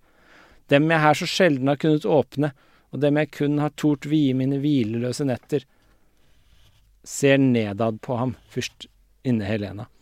Ah, således. Hva ellers? Nu ja, hva ellers, sier Helena. Ja ja, jeg spør hva ellers. Julian, hvordan hilste barbarkongen deg? Det var han som kalte han keiser. Mm. Hva var det for et navn som ga uh, Helena, sier han vikende. Hva var det for et navn som ga gjenlyd i soldatenes rekker? Uforsiktig, her står kanskje en og lytter utenfor hver dør, sier han. Så? Hun begynner å hinte om at det, i ensomhet med bøker og bare han, det har ikke hun noe særlig sansen for. Han så for seg litt sånn lite skogsbruk med noen bøker og en pen dame, han. Aleine. Mens hun plutselig bare Nei, nei, det skjer ikke. Ja, hun begynner å Du skal jo bli keiser. Ja, det er, det er det motivet som begynner å komme frem her. At uh, Mm. det er ikke nok å være Cæsar under keiser Konstantios, han kan bli keiser. selv. Ja. Og igjen er det denne kvinneskikkelsen som egger mannen sin til toppen. Ja. Hun har ikke noe sansen for de veike, litt sånn boklærde med myke fingre. Hun vil ha en mann som virker. Og. Ja, og hører, ja, men hører du Du ser jo nå hvor mye han vagler. Ja, nei, jeg er helt enig. Altså, han er jo Hamlet, bare enda Og- verre. Det er jo dette motivet med, med viljen og evnen. Altså han Mm. i, I første og andre akt Eller OK, hvis han starter med første akt, at han er lei av å henge på hoffet, og han har lyst til å bli lærd igjen. Mm. Andre akt så er han borte og diskutere, men da kritiserer han det å bare snakke. Mm. Tredje akt så blir han innvint i mysterieskolen. Mm. Og det ender med at de gir ham keiserdømme, og da blir han keiser. Og da begynner han igjen å drømme om å gå tilbake til å bare snakke igjen. Ja. Men så står keiserdømmet foran ham som en mulighet. Jeg er helt enig. Det var det jeg sa litt tidligere i episoden, så det er der jeg kjenner meg veldig igjen. Det der På mandag skal du helt bestemt noe, men på fredag er det noe helt annet. Får ta bestemmelsene på fredag, da. Virker, som- virker som en dag hvor man er tryggere på seg selv. Ja. Og så begynner han å tvile fælt i fjerde akt. Og det er jo interessant også, syns jeg, at han begynner å tvile igjen når han har fått seg dame. Og Ja. det mener jeg ikke noe negativt, jeg mener nesten noe positivt. Altså Han begynner å tvile igjen på liksom Hva er vitsen med å drive og prøve å bli keiser når jeg har fått en pen dame? Mm. Ikke sant? Altså det, Plutselig opplever litt sånn Og så sier han jo at han elsker henne. Jeg var litt i tvil om han faktisk gjør det, men han sier jo at han elsker henne her et tidspunkt. Så hvis han plutselig liker denne Helena, så begynner han å se for seg et lite småbruk med noen bøker og en pen kone, han Mm. som et godt liv. Og så var det plutselig keiser han skulle bli. Altså, vi så det litt med Catelina òg. Han skulle plutselig igjen få Roma til å gjenoppstå, men så plutselig så var han i et lite øyeblikk så tenkte Catelina liksom at han skal jo ut på landet og bo på et småbruk med kona. Det bare slo meg nå plutselig at denne, denne Det som foregår i tredje akt med Maximus, hvor Maximus kommer med denne hedenske visdommen og sånt, Mm. dette med nødvendighetens vei Det virker som han mistolker det. Fordi når jeg leser fjerde akt, så kan det virke som om uh, Igjen, dette småbruket og keiseren. Mm. Det virker som Julian tror at nødvendighetens vei er det motsatte av hva han vil. Ja, altså Eh, han sier jo også senere her i, i femte akt Efter at de har blitt utropt ham til keiser, det kan vi gå tilbake til, så sier ridderen Sarlust keiseren lever, det brevet du har skrevet ham til om, din, om din utropelse. Og så sier keiser Julian om min nødvendige utropelse. Man tvang meg, det var intet valg. mm. Så det er noe han har misforstått her. Han tror det nødvendige er det motsatte av viljen. Det han må. Ja, men nå sitter jeg og ser etter den nødvendighets vei. Altså frihetens vei er jo også det å ville det du vil, sier han på et Jo, tidspunkt. Det virker ikke som han har fått det med seg helt. Her er det. På slutten av femte akt så sier Så snakker han med Maximus. Og så sier uh, Julian eh, så sier Julian uh, Mystikeren sier, Maximus sier Og dette krav, var det i deg? sier han. Uh, fordi han klager på at han har alltid drevet mellom frykten for keiseren og for Kristus. Og så vil han uh, nå denne gåtefulle, skåndesløse gudemenneske overalt hvor jeg ville frem, trådte han meg stor og streng i veien med sitt ubetingede, ubønnhørlige krav. Altså keiseren, Mm. eller Kristus. Og så sier han dette krav, var det i deg? Og da sier Julian, alltid utenfor. Jeg skulle. Ikke sant? Og her er jo kontrasten til Det å var den ville. la oss opp i begynnelsen. Ja, det er jo kontrasten til å ville. Og da sier han litt etterpå uh, Så sier han Og dog, på slutten av den setningen, så sier han eh, Vår sunne innerste sjel reiser seg mot dette. Og dog skulle, skal vi ville tvert imot vår egen vilje. Vi skal, vi skal, vi skal. Vi skal vilje vår egen ville. Eh, så det, du skal ville deg selv. Dette er også Eh, vi skal ville tvert imot vår egen vilje, sier han jo. Vi skal ville Ja, men tolka du det som at du skal ville tvert imot viljen, eller at du skal tvert imot ville din vilje? Nei, det førstnevnte. Ja, jeg tolka det som det andre. Ja. Den er jo litt tvetydig, faktisk, når jeg ser den nå.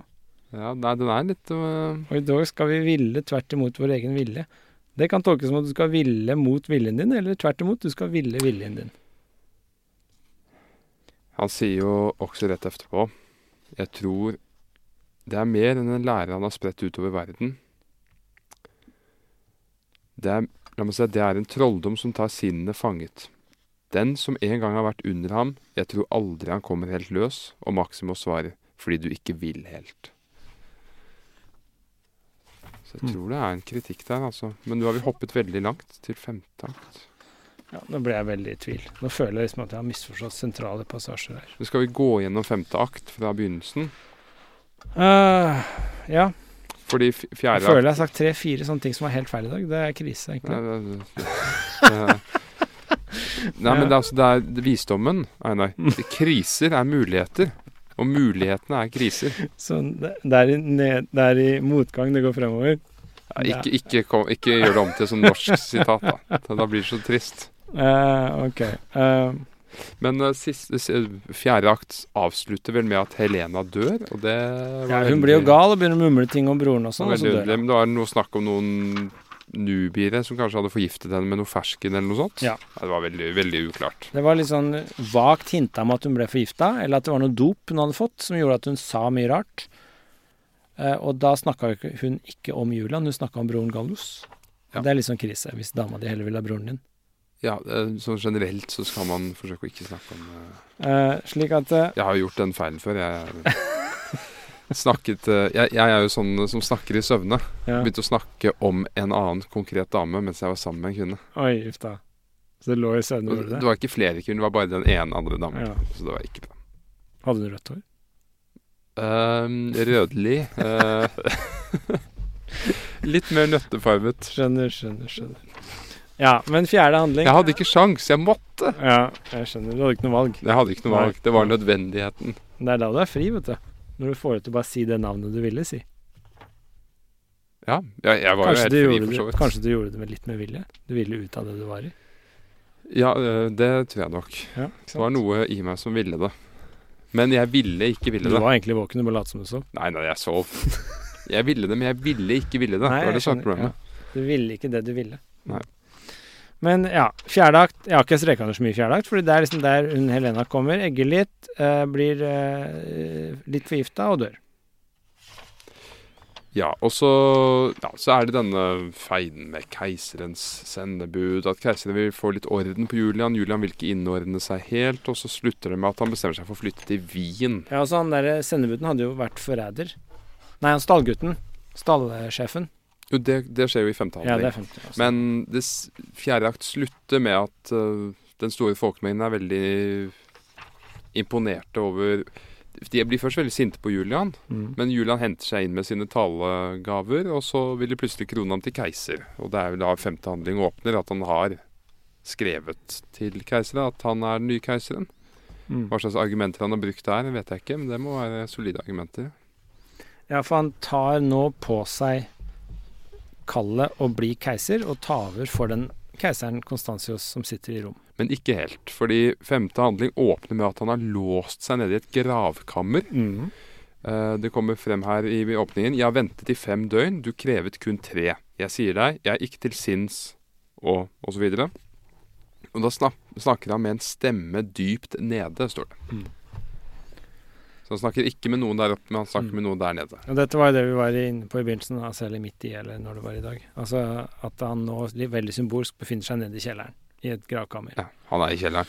Eh, og kona er død, og det lille landlige livet med kona og bøkene, det har forsvunnet. Og nå er han igjen i maktens korridorer og eh, må virke mer eller mindre som politiker, og dette er jo Julian veldig tvilende for, om for. Eh, ja, men han har tatt på seg kallet nå og blir keiser.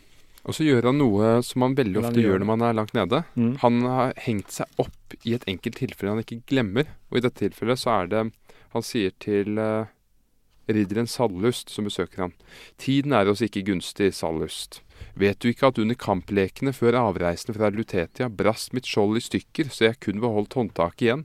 Og vet du ikke at da jeg ville stige til hest, så snublet hin tjener på hvis sammenfoldede hender jeg skulle svinge meg opp? Og da svarer han, du kom dog i sadelen, herre, men mannen falt, sier Julian. Ridderen Salus svarer, bedre menn vil falle hvis Cæsar nøler. Mm.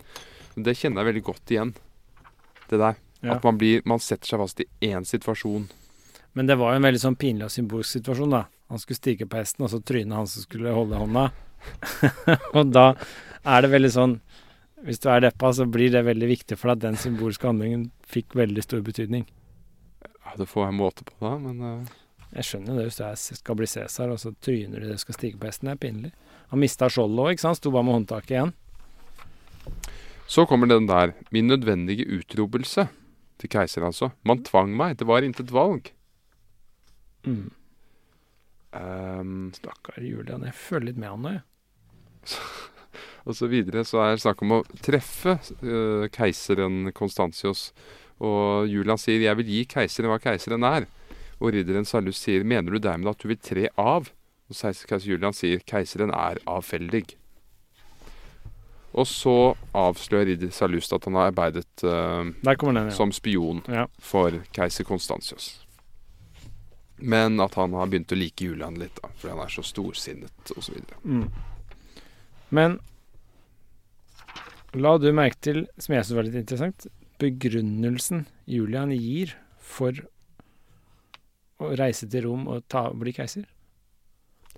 Hva er det? Så det er på begynnelsen Litt ut på begynnelsen her, så sier han Er det ikke bedre for ham som Og nå snakker han om Konstantius, ikke sant? Han sier Har jeg rett til å gi den ulykkelige Konstantius leilighet til å velte en ny blodskyld, blodskyld over sitt syndebetyngede hode? Ikke sant? Konstantius har drept mange. Og så sier Julian Er det ikke bedre for ham, som det står i skriftene, at han lider urett, enn at han øver urett? Ja, Så han begynner å begrunne sin overtagelse og det å til syvende og sist ta livet av Konstantius, vil jeg anta. Begynner å begrunne med at han går nå frem og gjør en urett for at Konstantius ikke skal begå flere uretter. Mm. Så, for det er bedre for Konstantius om han får drept han, enn at han skal drive og drepe. Den er, den er litt moralsuspekt. Men snakk om å begynne å begrunne og rasjonalisere at du skal ta over hele riket. Det er bedre for han at jeg dreper han, enn at han får det til å fortsette. Interessant begrunnelse. Mm. Eh, og han henviser til Bibelen, som det står i skriftene, for der står det jo nettopp det, ikke sant? Det er bedre å Ja. eh, Altså, det er bedre å lide urett enn å begå urett. Så Ja. Nei, så, var og så kommer det også her der denne ridderen Salust snakker om sine guder, for han er jo hedning. Ja, Sefs og Apollon og sånn.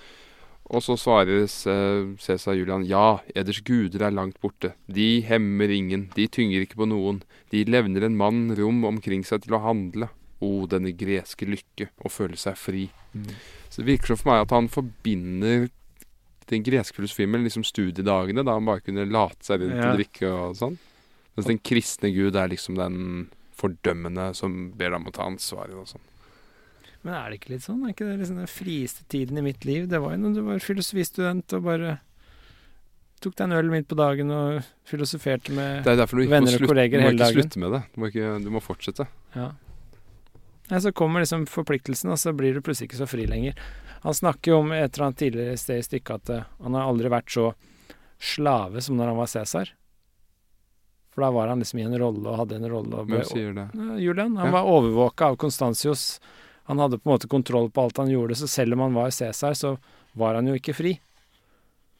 Sier han tidligere i stykket. Ja. Og det er jo det Jeg tolka det litt som at det er derfor også han går for toppen, fordi du er på en måte friere når du er helt øverst, enn når du er bare midt i byråkratiet. Ja, så det blir, du blir lurt inn i et spill hvor du kaver deg oppover. Ja. Du, du kan ikke gå nedover, for det er skammen. Men du hadde oppnå, oppnådd samme frihet der nede Mm. som helt øverst. Jeg ville heller vært uh, rektor enn dekan, da, for å si det sånn. Heller rektor enn hva, sa du? Dekan, altså dekan er på en måte eh, det samme som eh, Jeg ville heller vært president enn eh, eh, Hva heter det på statlig nivå igjen? Du vil ikke være midt i hierarkiet, ikke sant? Jeg vil heller være statsminister enn ordfører, skjønner du. Ja. Ja. Ordfører er jo liksom innenfor den lille boblen er man øverst, da. Jo, men det er jo det som Cæsar var innenfor den lille boblen, men det som irriterer han, er jo at keiseren bestemmer over han som Cæsar. Han kontrollerer til og med maten hans, husker du ikke han sier det? Han Mm. får ikke lov til å justere maten sjøl, fordi keiseren har kontroll på det, så han ikke skal bli forgifta og sånn. Mm. Ok. Også Julian fortsetter å rasjonalisere det at han kanskje skal drepe han. Her kommer han. Og når jeg, svingende opp på min hest, han henviser tilbake til den historien igjen, rev til jorden den mann der hjalp meg i sadelen, så synes det som om dette bebuder et bratt fall for Konstantios, hvem jeg skylder min opphøyelse. Hvorom allting er min særlyst, så akter jeg å avfatte et skrift som helt tydelig skal rettferdiggjøre at Så blir han avbrutt. Så man skjønner jo det at arbeider, han arbeider med et skrift som skal eh, rettferdiggjøre hans uh, maktovertakelse.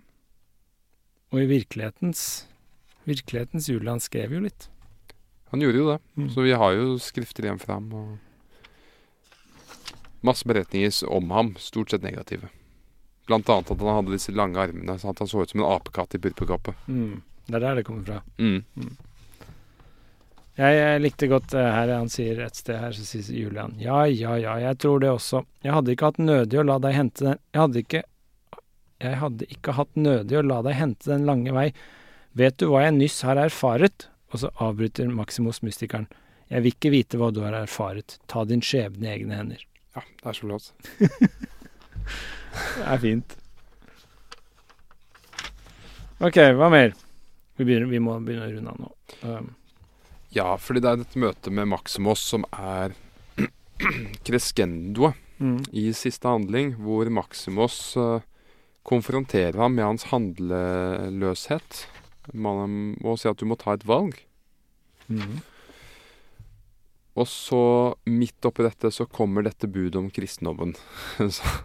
Om uh, mirakler og litt av hvert. Mm. Ja, det er at hun Helena Liket til Helena, er det ikke det? Som helbreder plutselig? Ja, det kommer opp, og du må komme opp, herre, du må se det med egne øyne. Det skjer gjærtegn ved fyrstinnens lik. Og Julian sier, du lyver. Husmesteren sier tilbake, jeg lyver ikke, herre, jeg henger ikke ved denne fremmede lære, men hva jeg har sett, kan jeg ikke tvile på. Så Julian, hva så du? Husmesteren, hele staden er i opprør, det bæres syke og vannføre inn til fyrstinnens kiste, prestene lar dem røre ved den, og de går bort helbredet. Julian, og det har du selv sett? Ja, herre, jeg har sett en falsk kvinne gå sunn ut av kirken, prisende galileernes gud. Og så, ah, Maximus, Maximus. Husmesteren, hør hvor de kristne jubler, nå skjer et, nytt- skjer et nytt jærtegn igjen. Og her eh, Ja, her opplever iallfall jeg at han blir stilt til veggs om å velge kristendommen eller hedendommen. Skjønner. Fordi liksom der oppe skjer det, det begynner å skje mirakler. De kristne jubler. Og samtidig så begynner Maximus å snakke om Akilles. Det var denne drømmen moren hans hadde hatt i eh, tredje akt. Og det, det som er interessant med Akilles Fordi til, helt til slutt her så sier Julian først ned, siden opp. Helligdommen, min elskede bror. Og dette er jo også sånn gammel hedensk eller visdom i lysets tankegang, Mm. som også er i mange av eventyrene, førkristne eventyr, at du skal ned i det mørke for å få lyset. Ja. Dette er jo psykologi. Men Akilles-referansen Akilles blir jo dyppet ned i Styx, underverdenens elv. Av sin mor. Hva er det hun het igjen? Tetis? Tetis. Så det er en underverdensreferanse. Og dette er jo som du sier, psykologi. Altså, du, du, du ser ikke lyset før du har sett litt mørke. Mm. Du skal ned. Um, mm.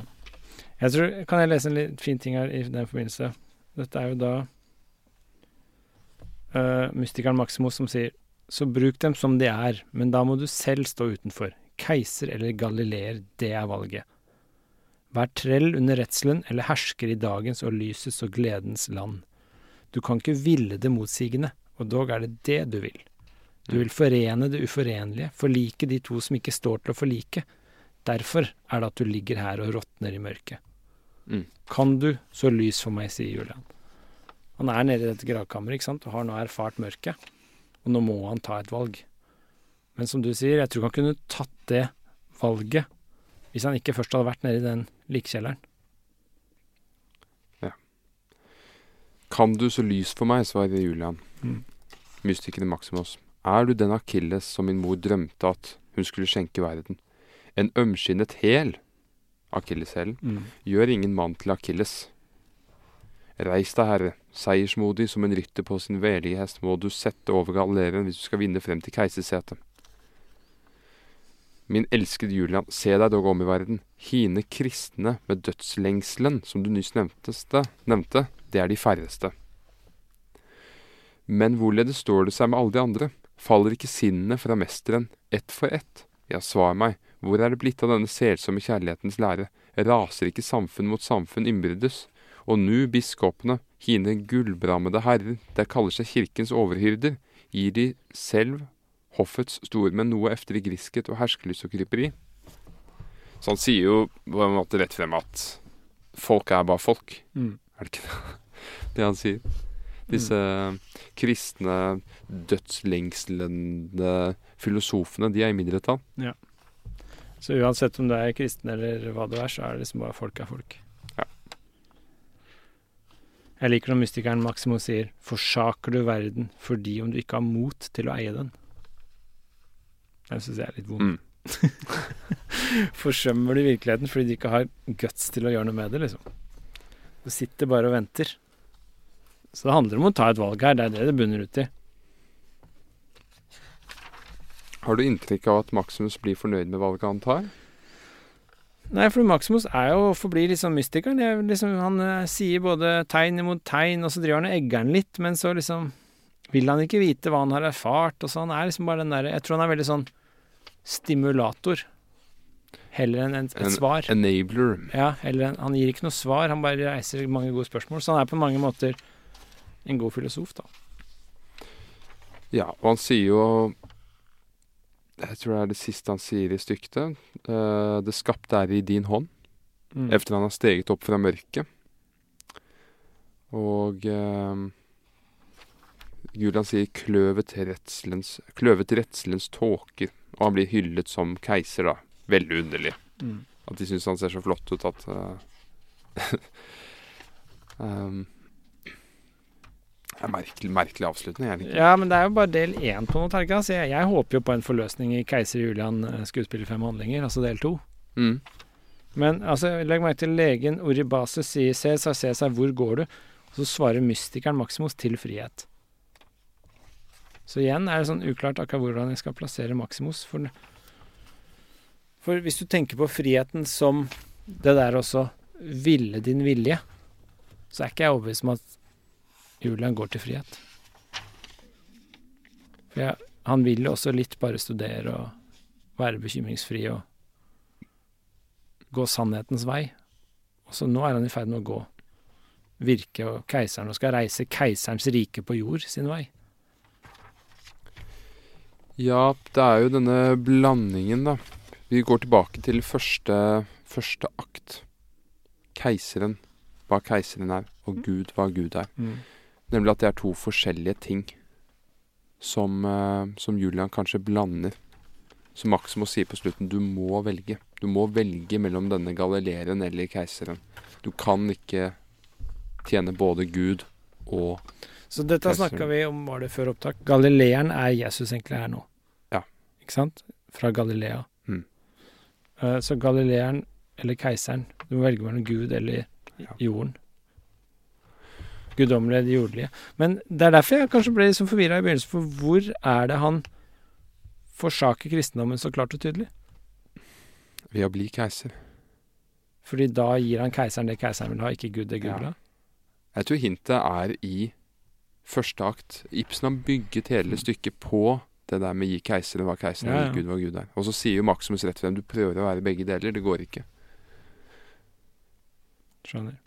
Så det er ikke det at han Ja, nei, det gir mening, det. Så han reiser ikke et gudelig Han som keiser reiser ikke et kristent rike. Nei, Så det han egentlig sier, er at det er umulig. Selv om han som keiser i praksis skulle prøve å gjennomføre kristendommen, så hadde det bare blitt keiseren. Ja. Kristendommen går en annen vei. Den går kanskje via åpenbaringer eller sannhet eller eh, nå har jo ikke jeg lest neste del, Keiser-Julian som det heter, Nei. men jeg kjenner litt til om den, og det som skjer er jo, så vidt jeg husker, at han fører krig mot Galilea. Så ah, Da kommer det klarere frem. da går han virkelig den lange veien. Da Det er det jeg frykter og tippa, da. At det kommer klarere frem i del to. mm. For jeg syns ikke det kom sånn kjempe... Men jeg er enig i at det gir mening sånn symbolsk, det du sa. Men det er også sånn psykologisk veldig interessant da, at du har en situasjon hvor du må velge mellom det ene eller det andre, mm. og så bestemmer du deg for ikke bare å velge det ene, men du erklærer krig mot det andre. Ja, ja, ja. Mm. Og det er en feil, feilslutning, slik jeg ser det. Mm. Hvis, hvis du har behov for å starte krig for å overbevise deg selv om at du har valgt det andre, Mm. så har du et problem. Jeg syns Veldig bra. Jeg gleder meg til del to nå. Mm. Jeg må innrømme at jeg syns du har gjort en god jobb i dag. Mye bedre enn meg. Jeg syns jeg er terningkast tre i dag. Du er på fem. Tusen takk. Så det er Nei, bra. jeg syns, jeg syns du er veldig dyktig hele tiden. Jeg må Og- komme inn med innspill. Så Men det som eh, er når jeg føler jeg får terningkast tre, det er at det motiverer meg. Så neste gang skal du love deg at eh, jeg har tolka da skal vi få se hvem som er keiser og hvem som er galilere her. Nei da. Men eh, avsluttende spørsmål. Hvilke karakter kjenner du deg mest igjen i? Oi. Hvem er du her? Vet du hva, jeg, jeg kan ikke oppriktig si at jeg kjente meg så mye igjen i noen her, jeg. Egentlig. Nei. Jeg syns dette var, det var litt, litt sånn det, det er et verdenshistorisk skuespill, liksom. Det, er, det, er ikke, det handler ikke om meg. Det er, Ja, men det som er litt sånn ibsensk, er jo at det verdenshistoriske spiller seg ut til hvert enkelt individ også. Det er mikro i, i Ja. makro og makro i men jeg har mikro. lyst til å si at det er Julian, men det er ikke så mye Julian denne gangen. Nei. Hvem har du mest sansen for, da? Det kan være noe annet. Det er ikke alltid den du har sansen for, er den du kjenner deg igjen i. Det, den jeg har mest sansen for, må vel være Maximus. Ja, jeg tenkte meg det. Som, uh, Mm. Jeg må innrømme at jeg kjenner meg kanskje litt igjen i Julian. Altså. Jeg vet ikke om det er bra eller dårlig. Jeg er litt usikker akkurat nå. jeg kjenner meg igjen i de der eh, kvalene og ja, det var dette valget mellom ja, litt vinglepetter og Jo, men vinglepetter kan jeg kjenne meg igjen i, men så er det hva man vingler imellom, da, som blir spørsmålet. Og når du, da du nevnte dette med keiserdømmet, det ansvaret og den lille hytten, så kjente jeg deg veldig igjen. mm, Absolutt. Så de kvalene kjenner jeg igjen. Jeg bare kjenner ikke igjen måten han behandler dem på. Nei. Nei, jeg må tenke litt nøye gjennom det her til neste gang, altså. Men også tenkte jeg jeg likte også litt det der ene øyeblikket med han legen som har veldig liten rolle. Han eh, legen, eh, hva heter han, Oribasis. Er det i fjerde akt? Ja, han er vel i fjerde og femte. Det er livslegen deres, tror jeg. Ja. Og han sier jo at eh, når Helena blir syk, så sier legen 'jeg må gå og redde Helena'. Og så sier Julian 'nei, gå et annet sted, jeg skal ta med Helena'. Og så sier legen 'nå er jeg forpliktet til å bryte med det du sier, og ikke gjøre som du sier'. Det er jo den Hippokrates-eden. Ja, ja.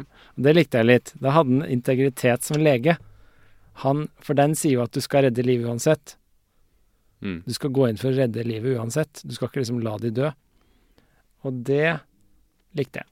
Integritet som lege. Ja, av Cæsar for legeosen sin. Men det var bare en bitte liten scene. Jeg vet ikke. Jeg har veldig sans for Maximus også. Men OK. Det er uh... Gi oss da? Jeg tror vi har holdt på veldig Vi kan gi oss, men jeg har lyst til å lese frem Du siterte slutten på, men jeg har lyst til å lese hele denne, en av de siste talene Maximus holder. Ja. Som jeg synes er uh, meget fin. Han sier Du står alene. Hvor er du nå? Det er side, vi har en annen bok, men side 419 i femte akt. Det er ganske mot slutten, altså. Ja. Uh, men det er etter at Julian har sagt Ja, jeg vet det vel, frafall på alle kanter.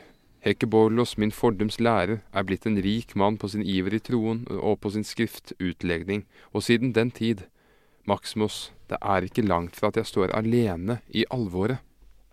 Så svarer mystikeren Maxos, du står alene. Hele din hær er på vill flukt, eller den ligger stagen rundt omkring deg. Bles til kamp, og ingen vil høre deg. Gå frem, og ingen vil følge deg efter. Bill deg ikke inn at du kan fremme den sak som har oppgitt seg selv. Du bukker under, sier jeg deg, og hvor vil du så hen? Forstøtt av Konstantios vil du være forstøtt av alle makt på jorden og over jorden. Eller vil du ty til galilerens favn? Hvorledes står det mellom deg og ham? Har du ikke selv sagt at du er under redselen? Har du hans krav i deg? Elsker du din fiende, Konstantios, fordi om du ikke slår ham? Hater du kjødets lyst og jordens lokkende ferd, fordi om du ikke, som en het svømmer dukker deg nede deri, forsager du verden fordi om du ikke har mot til å eie den, og vet du så visst at om du avdør her, da skal du leve. Hisset. Mm. Ja. Skal vi avslutte med det, eller? Vi kan avslutte med det. Hadde du noe visdomsord til slutt? Nei. Nei, det ble, det ble litt uh, luften ut av ballongen der. Men, uh, um, Nei, det er bra, det. men det er, altså, det er bare en tale til en fyr som ikke kan velge, egentlig. Det er vel egentlig det der. Veldig bra. Det er Men Altså- jeg, det er mange morsomme ordvalg her, sånn som galileerens favn. mm, Jeg syns det er et veldig fint ordvalg.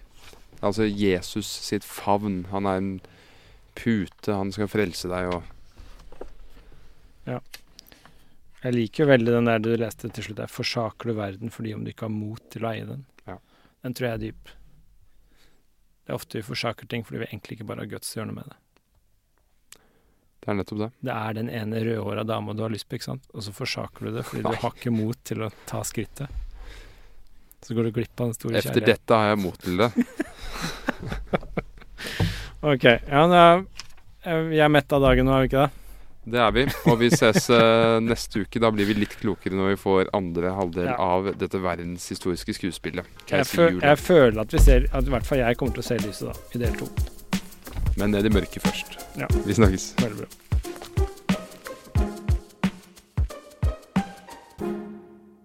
Produsert av Klinge.